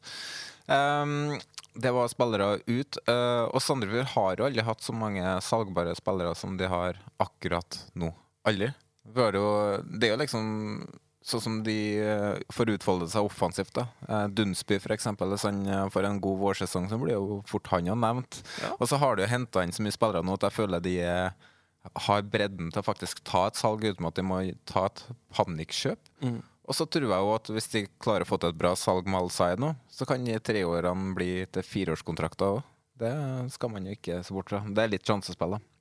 Men er det urealistisk å tro at Sandefjord kan tjene såpass mye på, på salgene sine framover nå at de kan bygge opp et fundament rundt klubben som er enda mer solid? Ja, Hvis eh, Sandefjord klarer å selge Danilo la oss si til sommeren, da, som er kanskje det mest aktuelle vinduet, å selge en sånn type spiller når uh, lagene i Europa skal sette laget for hele, hele, sesongen Hvis de klarer å få 20 millioner for, uh, for han, f.eks. Hvis de klarer å bli en budkrig her, han er kjempegod fram til sommeren for Sandefjord, så vil det totalforandre hele Sandefjord fotball som klubb, hvis man klarer å innkassere et uh, sånt uh, salg som det der. Tror du får mye mer enn 20? Ja? De, de, de, de ser jo på hva ja. andre spillere Hvis de skal selge til utlandet, ja. riktignok selge internt til Norge, så er vi fort på 20-30, men, men uh, selge til utlandet, så kan det fort bli nærme 40-50 også. Men, men, går det pluss 20, så tenker jeg at det, det, kommer til å forandre den klubben. her. Mm, da kommer alle agenter rundt omkring og tenker å ja, fader, det er kanskje ikke så dumt å plassere spilleren sin i Sandefjord i ett til to år ja, før, vi kan, før vi kan selge han, han, videre. Og så komme i en sånn posisjon, og man kan bli sånt, en sånn springbrettklubb, er jo helt konge for en sånn klubb som eh, Sandefjord. Jeg har jo ment det i nå har jeg bodd her siden 2019. At ikke, det, at ikke Sandefjord fotball er noe mer per dags dato enn det er, det har jeg egentlig aldri skjønt. Jeg syns alt ligger til rette her i byen. Det er fint klima, god infrastruktur, og det er, eh, det er fint vær. Man har en fin stadion som nå får helt flunkes, eh, flunkende nytt uh, kunstgress nå dessverre. til sesongen. Ja, så klart, man kan si dessverre til det, men situasjonen her i mm. Sandefjord er klinkende klart. Man må ha kunstgress her. Jeg har ja. vært rundt på SF-treninger. Er det fem forskjellige arenaer rundt mm. i hele fylket her? Og en eliteserieklubb ikke kan ha et eh, fast sted å trene, det, det går ikke. Men jeg syns Sandefjord burde vært veldig mye mer enn det egentlig er. Og det kan de bli da, når de får dette ene store salget kanskje til sommeren. Mm. Gutta, eh, tida begynner å gå fra oss. Vi skal snart ta neste par inn, så vi må rett og slett runde av der. Amund og Magnus, tusen takk for at dere Eller før vi runder av, tabelltips. Magnus Sandefjord. Uh, like vanskelig som hvert år, men jeg uh, er jo ikke like optimistisk som uh, de største SF-supporterne her, men jeg tipper Dunsby satte på fjerde. Fjerde? Oi! jeg tror kanskje de ender på plassen over kvalik. Amen. Tolvte. Tolvte? Ja, ja. Nedi gjørma der, som det alltid er, men litt klaring. Samme som jeg tippa om i fjor, da. Så får vi se. Tusen takk for at dere stilte opp uh, hos oss. Så folk har en god sesong. Bare hyggelig. Takk for det. Rabona. Episoden er sponsa av Sandefjord Bredbånd. Sandefjord Bredbånd tilbyr lynrask internett og TV-underholdning på ett sted, og med en lokal kundeservice er de alltid i nærheten for deg som kunde. Har du regna på hvor mye du må betale for internett og strømmetjenester? For det kan hende at du må betale mer enn du må. Med Altibox TV får du alt fra NRK tegnspråk til Netflix, og det på førsteklasses nett med muligheten til å samle alt over underholdning på ett sted. Gjennom lynrask internett og TV fra Altibox kobler de mer og mer av Sandefjord på verden. Sandefjord Bredbånd har bygga fiberbasert infrastruktur til over 99% av gamle Sandefjord kommunes bolig- og næringsområder. Deres ansatte jobber for at du skal få maksimalt glede av deres produkter og tjenester, og det er viktig for dem at du som kunde alltid er godt fornøyd og blir godt tatt vare på. Sandefjord Bredbånd er alltid i nærheten og hjelper deg via chat eller i kundemottaket på Pinsle alle hverdager fra 8 til 18, eller på telefon eller e-post fra 8 til 20. Trenger du hjelp til å koble dine trådløse duppedingser på nett, så kan en av deres kundekonsulenter komme hjem til deg. Test ut Sandefjord Bredbånd, du også. Rabona. Jørn, vi har uh, hatt med oss noen fine gjester eh, til nå. Men eh, vi er jo nødt til å avslutte den spesialen her med å få inn noen supportere. og hvem er det vi har fått med oss? Vi har fått med oss Kjetil Bakke. Og Andreas Karlsen. Hva? Korrekt. Se, nå tok jeg fra huet. Det har jeg ikke skrevet ned. SFJ Andy, eller? På Twitter. Eller X, om du vil. Ja, for jeg hadde lyst til å si Andy. ikke kall det X. Ja, men det er det det heter. Nei, nei, nei jeg kan ikke kalle det X. Enig med Kjetil. Ikke. Nei, jeg sa Twitter eller X. Ja. Ja. Twitter. Det er for at folk utenfra skal forstå hva jeg prater om. Ja, Twitter. Ja, ja Twitter. Mm. Da sier vi Andy. Ja. Det går bra. Ok. Um, Kjetil, du har vært med oss tidligere, og du ble ikke skremt for du er jo med igjen. Eh, det hjalp kanskje i dag at Frank ikke tok turen, eller? Ja, det er kanskje best å holde seg unna han. I hvert fall jeg har hørt litt av hvert. Ja, han er på militærøvelse akkurat nå, så Nå håper jeg ikke vi kommer til å bli invadert nå. Det, det er nå det er størst sjanse for det. Ja, det er kanskje det. det ja. Ola Halvorsen, eller? Ja, det, det, er, ikke, det er ikke helt uh, jeg, jeg, tror ikke han har lov til å bære våpen. Apropos militæret, jeg fikk faktisk brev samtidig som Frank om at jeg har dimittert fra Heimevernet. Ble kalt inn i 2014. Én øvelse. Klart å snike meg unna alt som kom etterpå. Så det er jeg fornøyd med. Gratulerer. Takk for det. Landsforræder. Ja, hvis du gratulerer Norge òg, for så vidt. Da, men det, går eh, det finnes mange måter å støtte eget lag på. Andy, åssen supporter er du? En som alltid stiller på kamp. Eh, i tykt og tynt. Eh, spesielt tynt når man er Sandefjord-supporter. Det blir mye tynt? Ja, det blir helt ekstremt mye tynt. Men, men hva, hva, er tykt i Sandefjord, da? Fordi at Hvis Rosenborg har hatt samme sesong som dere år etter år, så hadde jo, så hadde jo det vært eh, tynt på en annen måte. Ja. Mens hva er det som er tykt for en Sandefjord-supporter? Den eh, Altså, en sesong der vi overlever, er jo perfekt for oss, egentlig. Eh, det er da vi kjenner at nå, nå er vi gode. Eh, men eh, vi har egentlig aldri opplevd noe ordentlig god suksess. Det er vel en cupfinale som vi tapte 3-0. Da blir det åttendeplass to ganger, da? er det ikke? Mener det er det. En. Stemmer det. To. To, ja. to. 2009, var det 6 og 9? Eller noe sånt? Mm, det var, da det var det 42 poeng, vel. Det var noe sånt. Hvis jeg kan huske. Mm. Enn før deg, åssen eh, supporter er du, Kjetil? Nei, Jeg er jo på de fleste kampene. Men, men eh, for å referere til da du var med sist. Mm. Du er egentlig en ganske fersk supporter? Ja, egentlig. Sånn til å gå på kamp og sånn, så er jeg jo det. Men som jeg sa da, så husker jeg jo kvaliken mot Vålinga i Valhall, og det er jo 20 år siden. Vi refererte til deg i forrige del nå, at du har 0-0-kampen eh, på VHS? Ja, ja, første kampen av den Vålinga SF-kvaliken på VHS hjemme. Den som heter 0-0. Så ja, Hvis det er noen som vil ha den, så er det alltid Bare kom på besøk til Kjetil. Uh, ja. Han vil ikke låne den bort, for han er redd for kvalitet. Men kom på besøk til Kjetil. Kom til Andebu, så skal vi få leid ut den 00-kassetten. Du ødela det, den med å si at 'kom til Andebu'. Da, da Som mannen som bor i Godal. Ja, nettopp. Ja, det er feil side av E18. Det er bare å kaste begge to. Men uh, har interessen vært der uh, hele tida for deg, Andy? Egentlig ikke. Det starter jo som regel med engelsk fotball da, for uh, små barn i Norge. Men uh, jeg og en kompis tenkte vi har et fotballag i nærheten i 2017. Uh, og så kom Rosenborg på besøk. Dette var jo storhetstiden til Rosenborg. 2017 det var rundt Ajax, når de ja. slo Ajax. og jeg ble jo forelska i, I Rosenborg. Mike Jensen. Mike Jensen, Den kampen var helt fabelaktig. Uh, men uh, jeg syns også Sandefjord spilte ganske greit. Um, de gjorde ikke fra seg, altså det var helt greit. Så um, siden den gang har jeg vært interessert, og det er rundt nå jeg ordentlig har tatt opp liksom, det å være ordentlig god supporter. da, Dra på kamp borte hjemme. Mm. Dere er jo engasjert i TIFO òg, dere? Mm. Ja, vi har jo det. Det begynte jo egentlig i sist sesong, da det ble ordentlig sving på det med TIFO. da.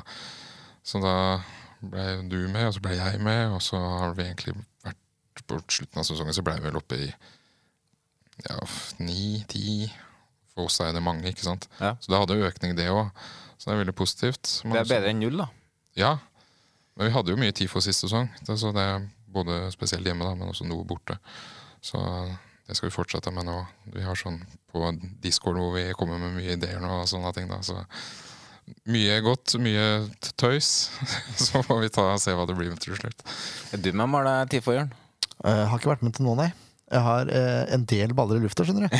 jeg veit det. så ja, nei, men får jeg tid til det, så stiller jeg opp. Um, du, du, sitter jo rett utenfor her og kommenterer og jobber nærmest når det er fotballkamp her. Um, Skriver referater på Twitter, ja. og så har jeg intervjuer etter kampene. Mm. Mm. Uh, men du har jo sett da utenfra hvert fall at den supporterklubben den har jo vært i ganske bra vekst i siste. Uh, merker du noe til det, at engasjementet rundt supportergrupperinga Sandefjord begynner å vokse? Du ser det på tilskuertallene, først og fremst. Uh, også, for de som ser på kamper på TV, så er det helt fantastisk å se Sandefjord nå. Egentlig fra, skal si, fra Haugesund-kampen i fjor, da. ja. Den siste 2-2-kampen, ja. Absolutt. Det var, vi, det var første kampen vi flytta over på den sida vi står nå. Ja, ikke sant? Og da, da så man jo bluss og TIFO, og det var liksom starten på det vi se, så i hele fjor, da. Ja, det stemmer det. Det hjalp veldig å flytte over på den sida. Og så fikk vi jo ståfelt før sist sesong. Mm. Så har det liksom blitt for første gang egentlig et sånn ordentlig eget felt, da. Som er vårt. Mm. Det hjelper jo. Det hjelper veldig. Og den stemninga som har vært nå, og på bortekampen også Jeg var med på Vålerenga-kampen på Tilter, hvor vi tapte 3-1, men uh, da fikk vi masse skryt fra Vålerenga-fansen på liv og røre som ble laga der. Det var vel i forrige fjor? Samme Ja, år- 2022. Det var samme året Ja. som Haugesund-kampen. Ja. Mhm. Eh, og borte mot Odd er det alltid gøy, selv om de smører fisk utover uh, tribunesetene. men, altså, men du merker du, du, Jeg syns i hvert fall utenfra så merker du at det er en større pågang Uh, både til blåhvalene og på kamp generelt. Og småhvalene må vi heller ikke glemme. De er viktige. Uh, som har fått en stor oppblomstring. uh, som jeg håper uh, De har kanskje enda større potensial for å fylle opp fortere enn blåhvalene, fordi det er helt ekstremt billig. Faktisk koster 400 kroner, og da får man alle hjemmekampene. Man får en, eh, en ryggsekk, tror jeg, eller en genser. Altså, det er avslutning, det er en bortetur. Det er, helt, det er et helt enormt tilbud, som jeg tror er kjempeeffektivt for å rekruttere enda flere til blåhvalen også. Og til stadion generelt? Eller er folk interessert i det? Det er få interessen til Sandefjord fra da, når de er barn? Mm. Ja, det, det tror jeg er helt avgjørende. At du får flere som Andy er. Da. At eh, det er å se på eliteseriekamp. Ser Å ja, her er et lag i byen min som faktisk spiller på det høyeste nivået i Norge. For Andy er jo såpass ung at du kunne sikkert ha fått billetter. Og så Eh, nesten. Det er faktisk ikke så langt unna. Men eh, jeg må også gi heder til klubben, da, som det har opp igjennom vært litt tumulter innad og i supportergruppene og sammen mot klubben også. Eh, men nå har de begynt å eh, Altså, nå er det god dialog mellom supportergrupper og klubben, og klubben er villig til å gi da småhvalene sesongkort bare for 400 kroner og masse annet. Så det er superpositivt, og det hjelper jo oss veldig med rekruttering også. Ja, veldig bra tiltak. Men uh, en ting jeg har tenkt på, det er bortefeltet i Sandefjord. Det får jo veldig mye kritikk. Men eh, jeg personlig syns jo det er et mye bedre bortetilbud der enn hva vi tilbyr på Lerkendal. Jeg har, jeg har stått på det lille hjørnet sjøl. Ja, du står bak dørlinja. Men så er det alltid diskusjonen skal, skal bortesupporterne ha det bedre enn hjemmesupporterne. Og så er det noen som mener at det blir bedre dynamikk på stadion hvis man ja.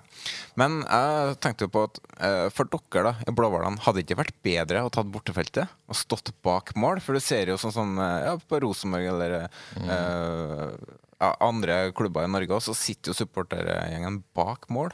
Så er det sånn som Bodø og sånt som sitter litt ute på sida av Lillestrøm og blant annet. Eh, Men se på Østblokka, for eksempel, da, som er bak mål. Det er en Du får jo alltid laget til å angripe mot det målet som dere står på, skjønner jeg. Eh, Har, er det noe dere har snakka om eller tenkt noe på? Nei, egentlig ikke. Det var så vidt vi toucha innom det at det, det hadde blitt god lyd, fordi Mm. det er så lavt under taket. Så det er litt sånn, sånn ambivalent sted, egentlig, fordi det er så det er jo dårlig sted å stå. Altså Dårlig syns sikt det. og sånn.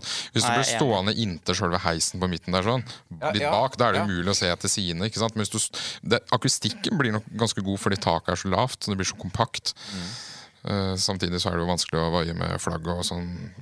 Så det er liksom sånn litt pluss, og så er det ganske mye minus. eh, Men sånn, jeg skjønner jo tanken med at det, det sikkert kunne ha vært en idé. Men det er kanskje ikke helt sånn som det er nå, da.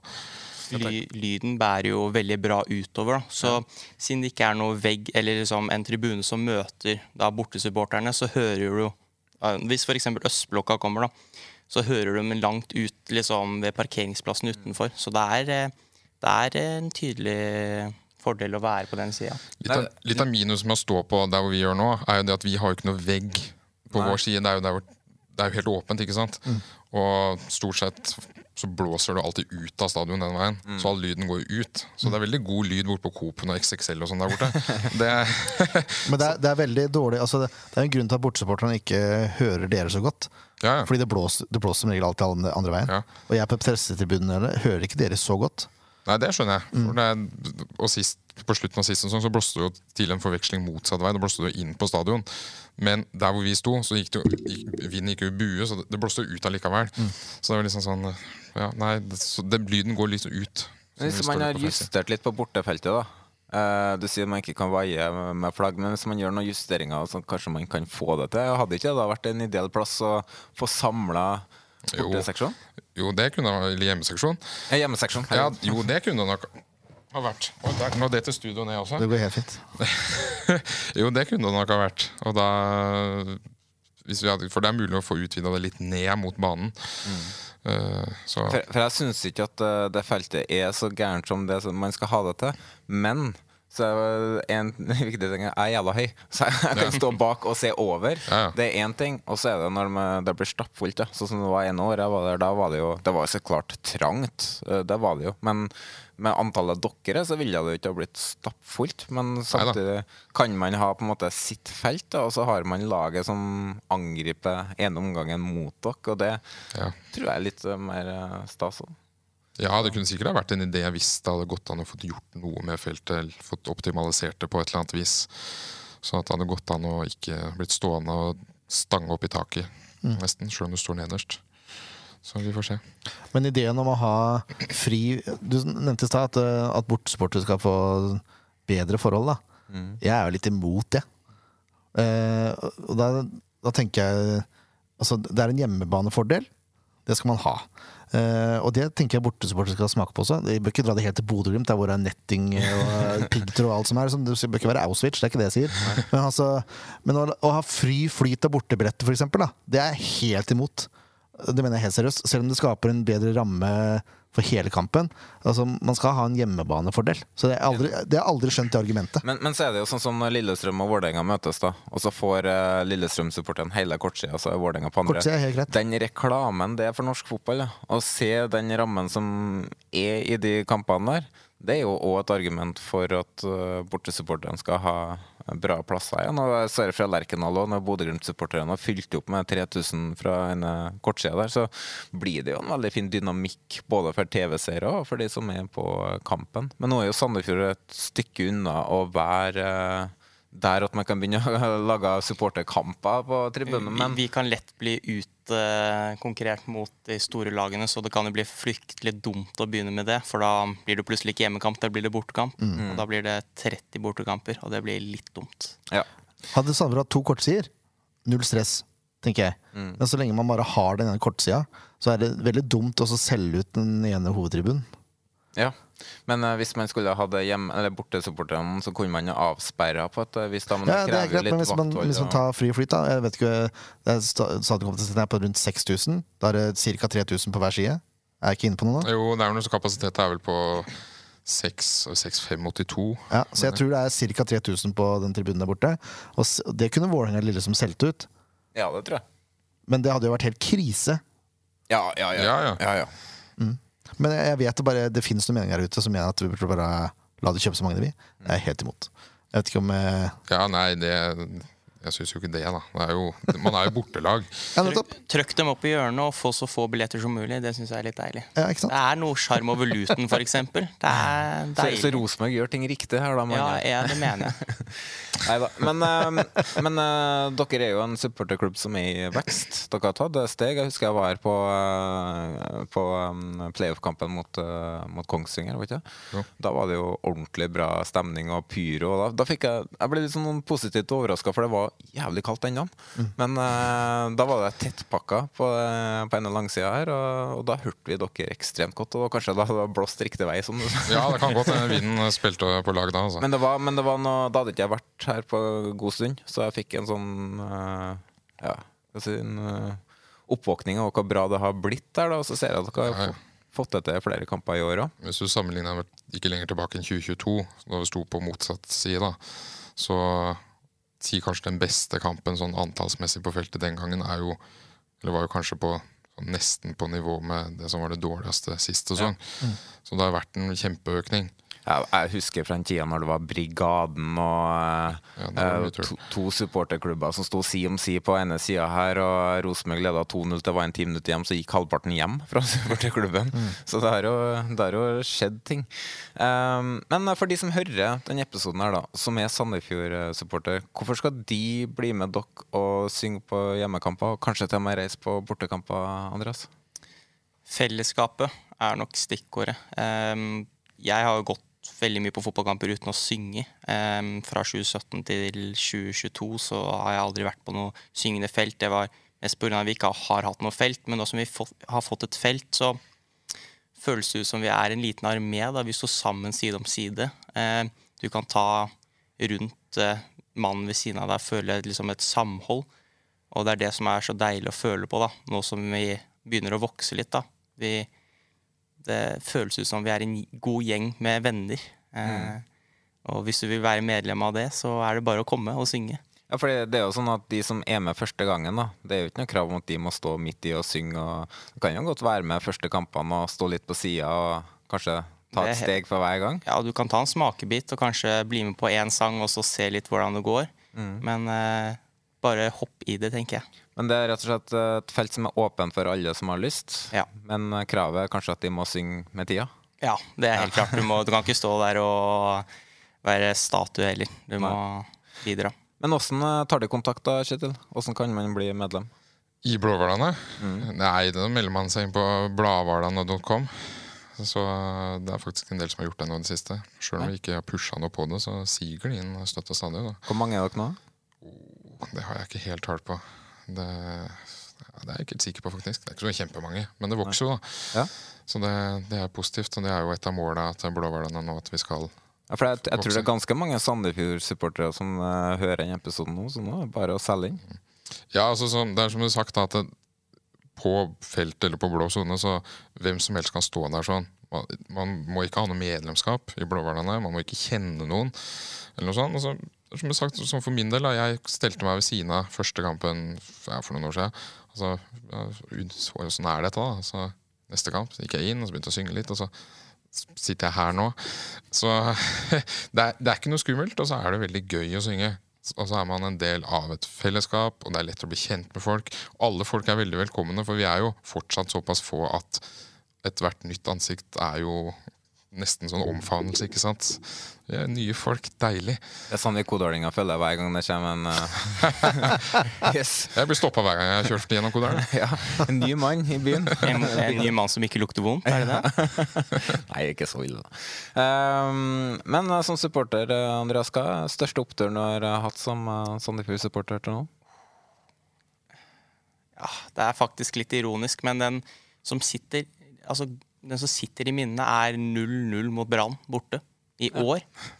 For den, den, kampen spilte vi så dårlig. Altså, det var ingenting angrepsmessig, men defensivt så var vi så gode. Toye vi, Toje og Sander Moen Foss de spiller jo ikke lenger, da, men eh, de er, det, det stoppeparet der det var helt ekstremt, den kampen. Og vi var tre stykker som tok turen. Det var meg, Kjetil og en som heter Lasse. Ja, som, ja som kjørte eller tok fly over. da Men ja. det var jo litt folk ellers. Så vi sang jo faktisk litt. da Så det, det var nok folk. Kanskje 15-16 som sang. Og, og, de hørte oss bort, da. Ja, de hørte oss bort på det benken, sa de, så det var litt gøy. Vi sto nede i hjørnet der sånn. Det er litt kontraster. Eh, som Rosenborg-supporter De husker en 0-0-kamp før de var gode defensivt. Så vi skal spille artig og angrepsvillig fotball. ja, men det var jo ikke noe typisk SF-kamp. Nei, men Det er kanskje mest at det var uventa. Ja, ja, absolutt. Mm. Det hjalp jo å ha Toje og Moenfoss, Så kan man jo si litt om at de alltid slo innlegg høyt. Det var kanskje ja. ikke den beste måten å Nei.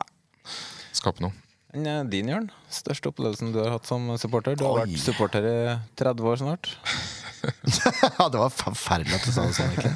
Ja, men det stemmer, det. Uh, å, herre min hatt, det er jo helt umulig å svare på. Haugesund sitter jo ganske godt i minnet. da Haugesund 2022. Uh, eh, hvor man låner 2-0 fram til da, 88. eller et eller annet sånt. Ja. Uh, hvor Harmet Singh, da, som da var min store helt på den tida For to år siden. altså min favorittspiller, da. Slenger inn et skudd som går inn, og så kommer Kurtovic, og så ender det 2-2. Mm. Kristiansund rykker ned. Eh, det var stort. 2005, når man rykker opp, var helt fantastisk. Jeg husker jeg var og så trening eh, før den første obligatoriske kampen i 1999. Det var ganske stort. Eh, første kampen jeg var på storstadion, det var vel mot Manglerud Star. Mats Lehmann. Mm. Roar Gulliksen i mål. Altså Men jeg, jeg tror at det største opplevelsen som supporter et av mine favorittminner var borte mot Vålerenga vi hadde med begge guttene. Ja. Det var eh, For de er egentlig ikke fotballinteresserte.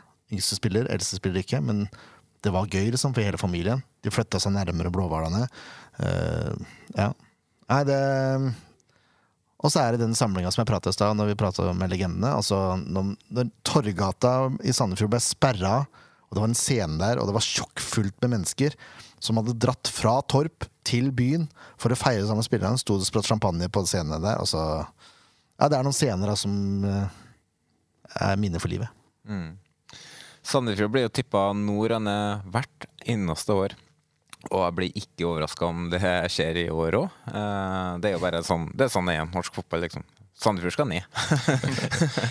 Men eh, og det, har jo, det er litt innom det vi har snakka om tidligere i sesongen, nei, sesongen, episoden. At, eh, at Sandefjord henter spillere som ingen har hørt om. Og siden ingen har hørt om dem, så det, kan jo ikke være så god. Og så får man jo Al-Said-typer, eller eh, ja. Um, og hva, hva, mener dere er årsaken til at uh, Sandefjord år etter år da, klarer å holde seg i Eliteserien mot, i motsetning til hva tipsene er på forhånd, Andreas? Det er, det er vel den derre evnen til å være Altså, vi er Hvordan vi spiller på fotballbanen, er jo største Største grunnen til det er jo at Hans Erik Ødegaard tør. Vi tør som et fotballag å spille som vi vil. da. Vi legger oss ikke ned. Som, jeg blir jo litt lei meg når jeg ser f.eks. HamKam da. spille fotball. Eh, spille forsvarskamper. Eh, kanskje vinne 1-0, tape 0-1. Men vi tør å satse. Eh, vi får sesonger der vi spiller eller taper var det 6-1 mot Sarpsborg. Og så eh, en måned etterpå vinne 5-1. Ja. Eh, det er liksom det er, vi, vi, må tørre, og det gjør vi jo år etter år nå. Og da holder vi oss til slutt, da. Det går jo opp til Bodø liksom, å prøve å spille ut Bodø-Glimt. Ja, og det var så deilig å se Bodø-Glimts egen spiller Jeppe Skjær feire som en gal når han skårer mot eget lag. Nei, jeg spiller med Glimt. Må, ups, jeg det var nydelig å se på. Men jeg tror altså evnen til å være seg sjøl og spille sitt eget spill er ekstremt viktig. da. Kjetil, det har kommet inn en del nye spillere nå, som vanlig. Eh, hvem er det du har størst forventninger til i år? Da kan jeg begynne med å si at jeg har vært på feltet hver dag siden jeg kom tilbake. Ja, Det er jeg ikke overraska over. Du, du, har jo sett litt, da. Ja, hva er det du har sett? Nå er jeg jo sannsynligvis den verste til å se hva folk er gode på, da, men eh, nei, det, det, Hva er det du ser på da? Nei, jeg, jeg snakker litt og sånn, ikke sant. Nei, men så de, de, Jeg syns jo han Cheng på bekken, han har vært god. Ja. Uh, absolutt. Så kanskje Vetle skal passe seg litt. Yes. Så vi får se. Han starta jo mot Sarpsborg nå, så jeg syns han var ganske god. Uh, så har du Metler, da, som, uh, som, også ser veldig god ut. God skuddfot. skuddfot. Han har skåret noen fine mål, blant annet. Han er en spiller jeg tror jeg fort kan sette inn på fantasy-laget mitt, bare for at jeg tror ingen andre gjør det. Mm. Rett og slett. Mm, kanskje det. Så er det jo Melkjord, da, som han løper jo kjemper jo litt, litt sånn Dunsby-aktig, føler jeg. Får med seg ballen selv om han ligger nede og sånn. Så, så, er det jo nye spissen Tibel, som ja, fysisk, fysisk pakke. God på huet, som Tegan sa på SF Awards. Så.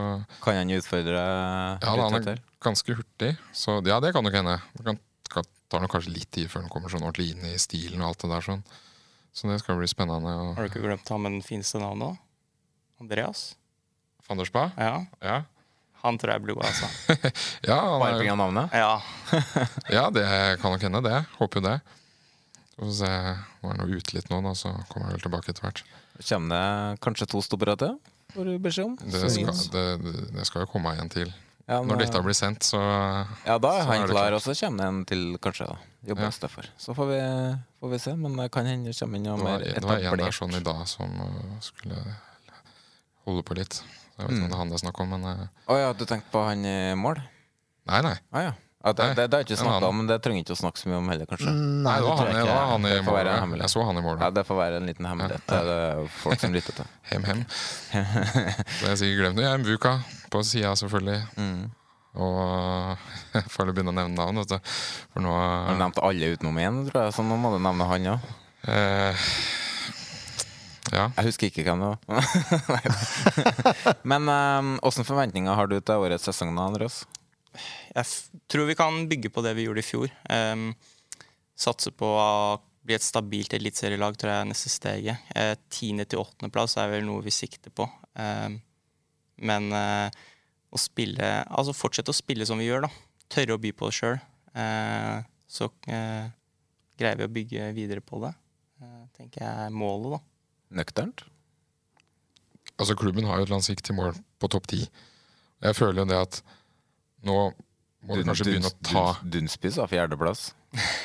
Ja, men Dunsby har vel sikkert ikke Er kommet seg etter den? DJ-jobben han hadde på lørdag, antakeligvis.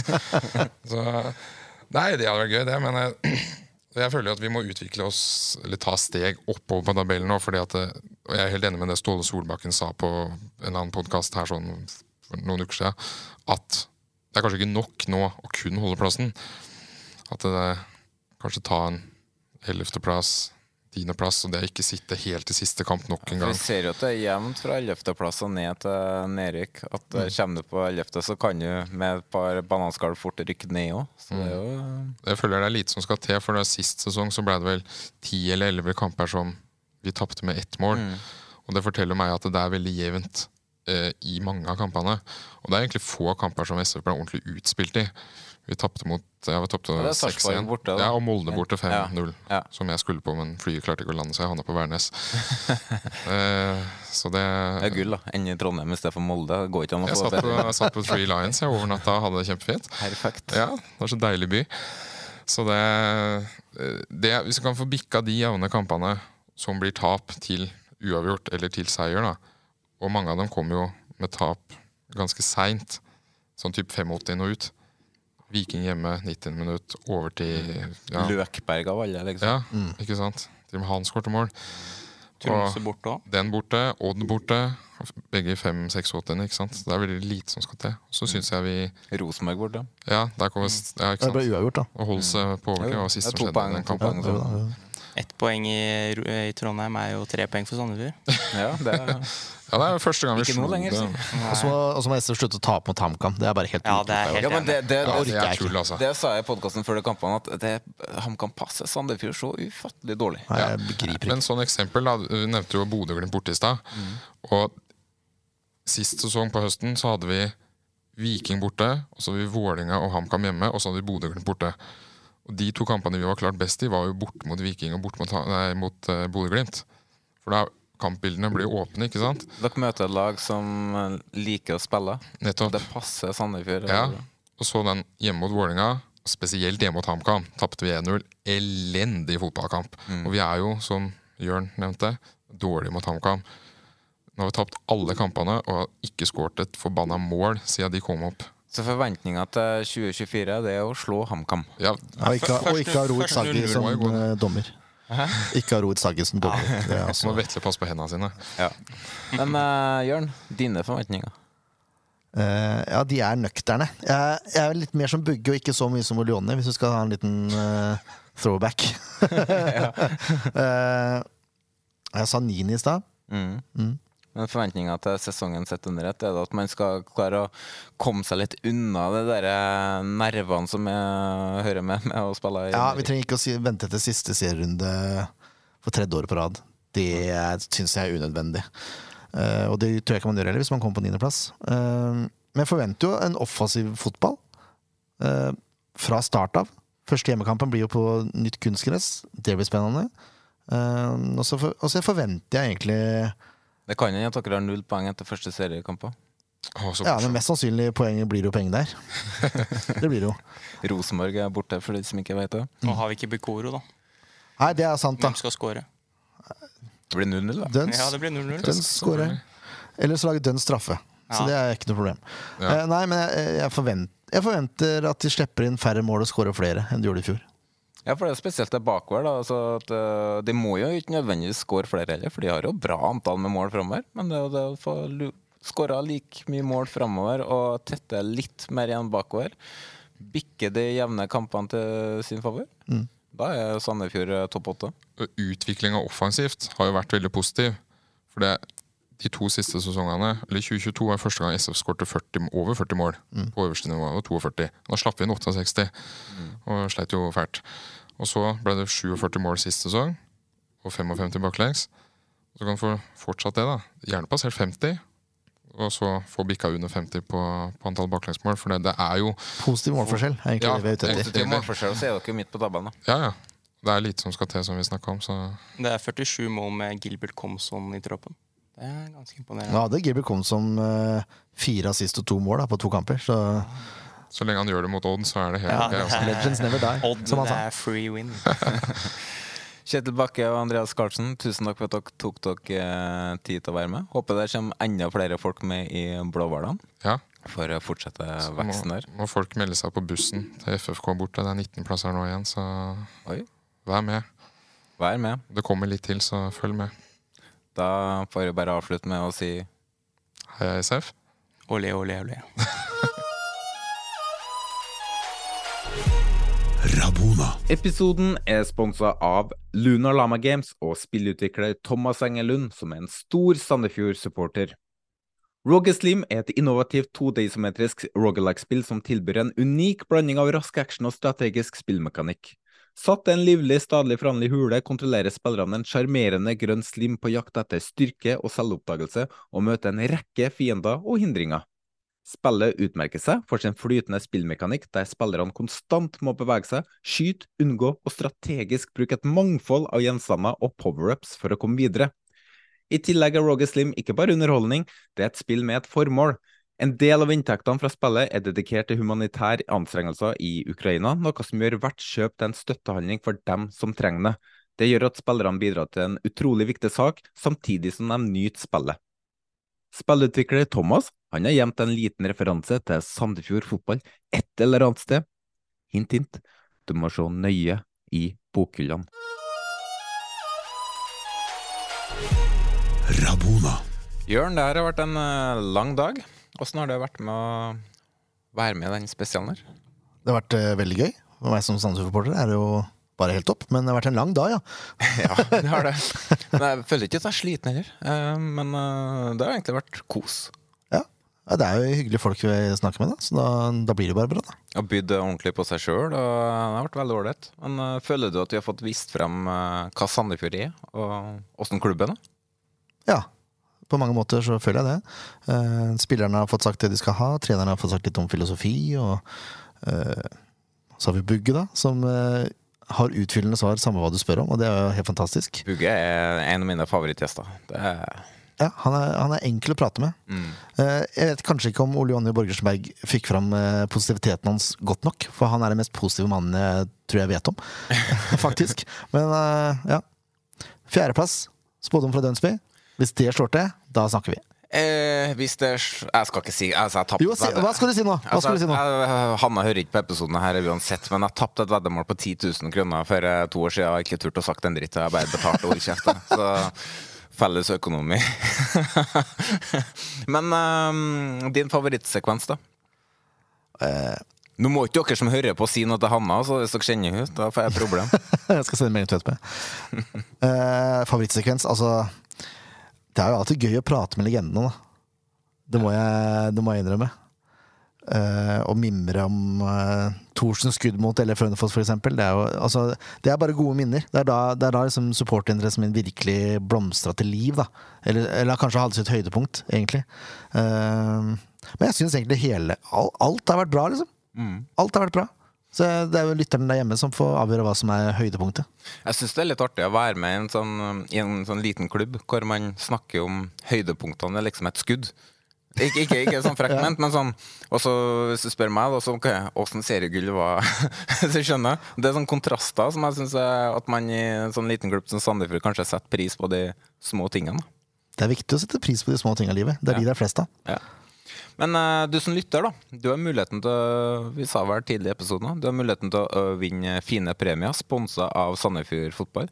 For om du deler episoden med episodelink i sosiale medier, så er du med i trekninga av to sesongkort på eh, Jotun Arena. Eller fire uh, VIP-billetter til valgfri kamp i år. Det er jo en sinnssykt bra premie fra Bugge og Sandefjord. Så eh, vi trekker ut tre vinnere her. Altså én vinner kan vinne to VIP-billetter eller, eh, eller to sesongkort. Eh, så ja, da kan du si sånn at for hver deling du har på sosiale medier, så får du ett lodd i trekninga. Så om du deler på Instagram, eller Story på Instagram, Snapchat, Facebook, Tinder, hva som helst, så er det bare å ta screenshot og sende til oss. Uh, husk å legge med episodelink som uh, sagt, eller tagg oss. Fin premie fra Sandefjord. da. Absolutt. Det blir jo ikke bedre enn å dra på Sandefjordkamp på Jotun Arena. Nei. Viktig å ta riktig kamp, da. F.eks. hjemme mot Rosenborg. Ja, Eller så er det også første helga i august, så vidt jeg kan huske. For da er det Sandecup. Da er det alltid mye folk her. Bra liv. Alltid fint vær. Alltid. Mm. Vi er jo veldig glad for uh, for at, flere lokale aktører i og rundt Sandefjord er med og sponser oss denne episoden her. Og det er jo faktisk um, og det er noe vi er ganske avhengig av òg, for vi har tatt fri fra jobb, annet. Så, så um, ja, nå har vi holdt på her siden klokka 11 i morges, og nå klokka 6. Snart en lang dag. Um, så vi må takke alle som er med og sponser, og det er jo hovedsponsor Sandefjord Bredbånd, Huset, Harmoni, Berg Allum, Giovanni, Luna Lima Games og Færder begravelsesbyrå. Takk til alle sponsorer, takk til alle gjestene, takk til Sandefjord Fotball som har vært gjestfri og gitt av seg sjøl, og ikke minst Espen Bugge Pettersen som har lagt til rette for det her. Takk til Jan Erik Balto som har lagd episodebildene. Høy klasse som vanlig. Takk til deg som lytter på, og ikke minst til deg, Jørn Granerød Horntvedt, som har stilt opp, både som medhjelper og for produksjon. Bare hyggelig. Vi er tilbake med en ny episode til uka, og så skal vi snart i gang med å spille inn en ny spesial, som jeg gleder meg veldig til. Eh, for det er en gjesteliste som er spikra der, som er vanvittig kul. Jørn, nå kan du skyte inn eh, rask reklame for SF-poden. Ja, SV-podden kommer eh, som regel med episoder etter hver en serierunde. Eh, og da tar vi også for oss kampen som kommer, eh, fast spalte. Og hvis du da har et lag som skal spille mot Sandefjord, så anbefaler jeg å lytte til denne episoden. Og hvis dere har tapt mot Sandefjord, så er det lurt å høre på neste også. Så får dere liksom gnidd det litt ekstra inn. Nei, men eh, jeg pleier å ringe en supporter, eller en, en person som er eh, kjent for å støtte laget som Sandefjord skal møte. Ofte veldig kompetente folk. Ofte. For eksempel mot Rosenborg så har vi funnet litt rask og sånn, men uh, noen ganger vi, finner vi gull også. Uh, så ja, jeg anbefaler alle til å høre på SV-podden hvis de har mulighet. Må du si helt til slutt? Heia SF.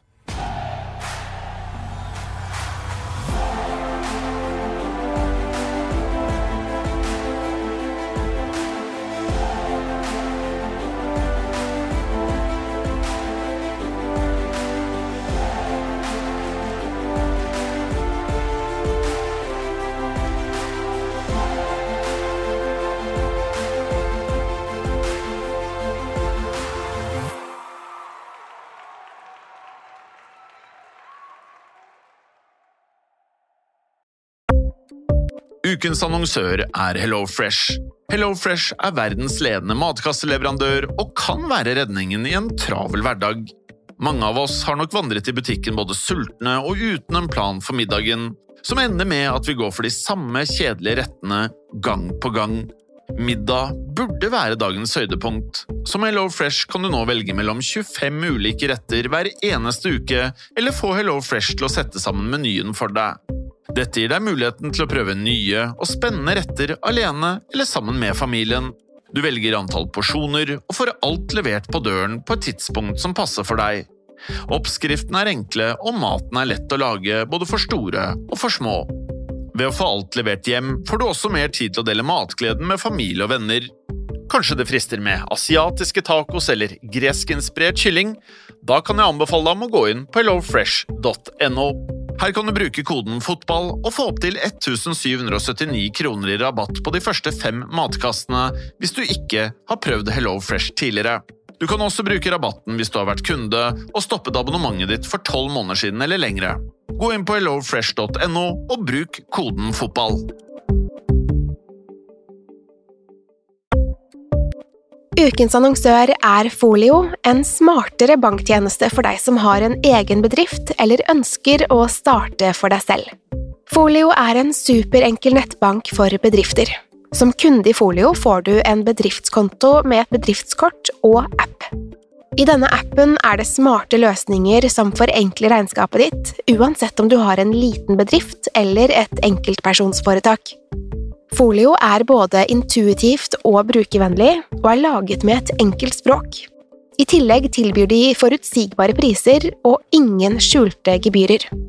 Skulle du likevel trenge det, så kan du snakke med deres raske og hyggelige kundeservice, og der får du prate med en faktisk person og ikke en chatbot. Folio er med andre ord både enklere og koseligere enn banken. Over 10 000 bedrifter har allerede valgt Folio som sin banktjeneste, så besøk folio.no og se hvordan Folio kan forenkle din hverdag også. Har du et enkeltpersonforetak eller en liten bedrift? Da er du sikkert lei av å høre meg snakke om hvor enkelt det er med kvitteringer og bilag i fiken, så vi eh, gir oss her, vi. Fordi vi liker enkelt. Fiken superenkelt regnskap.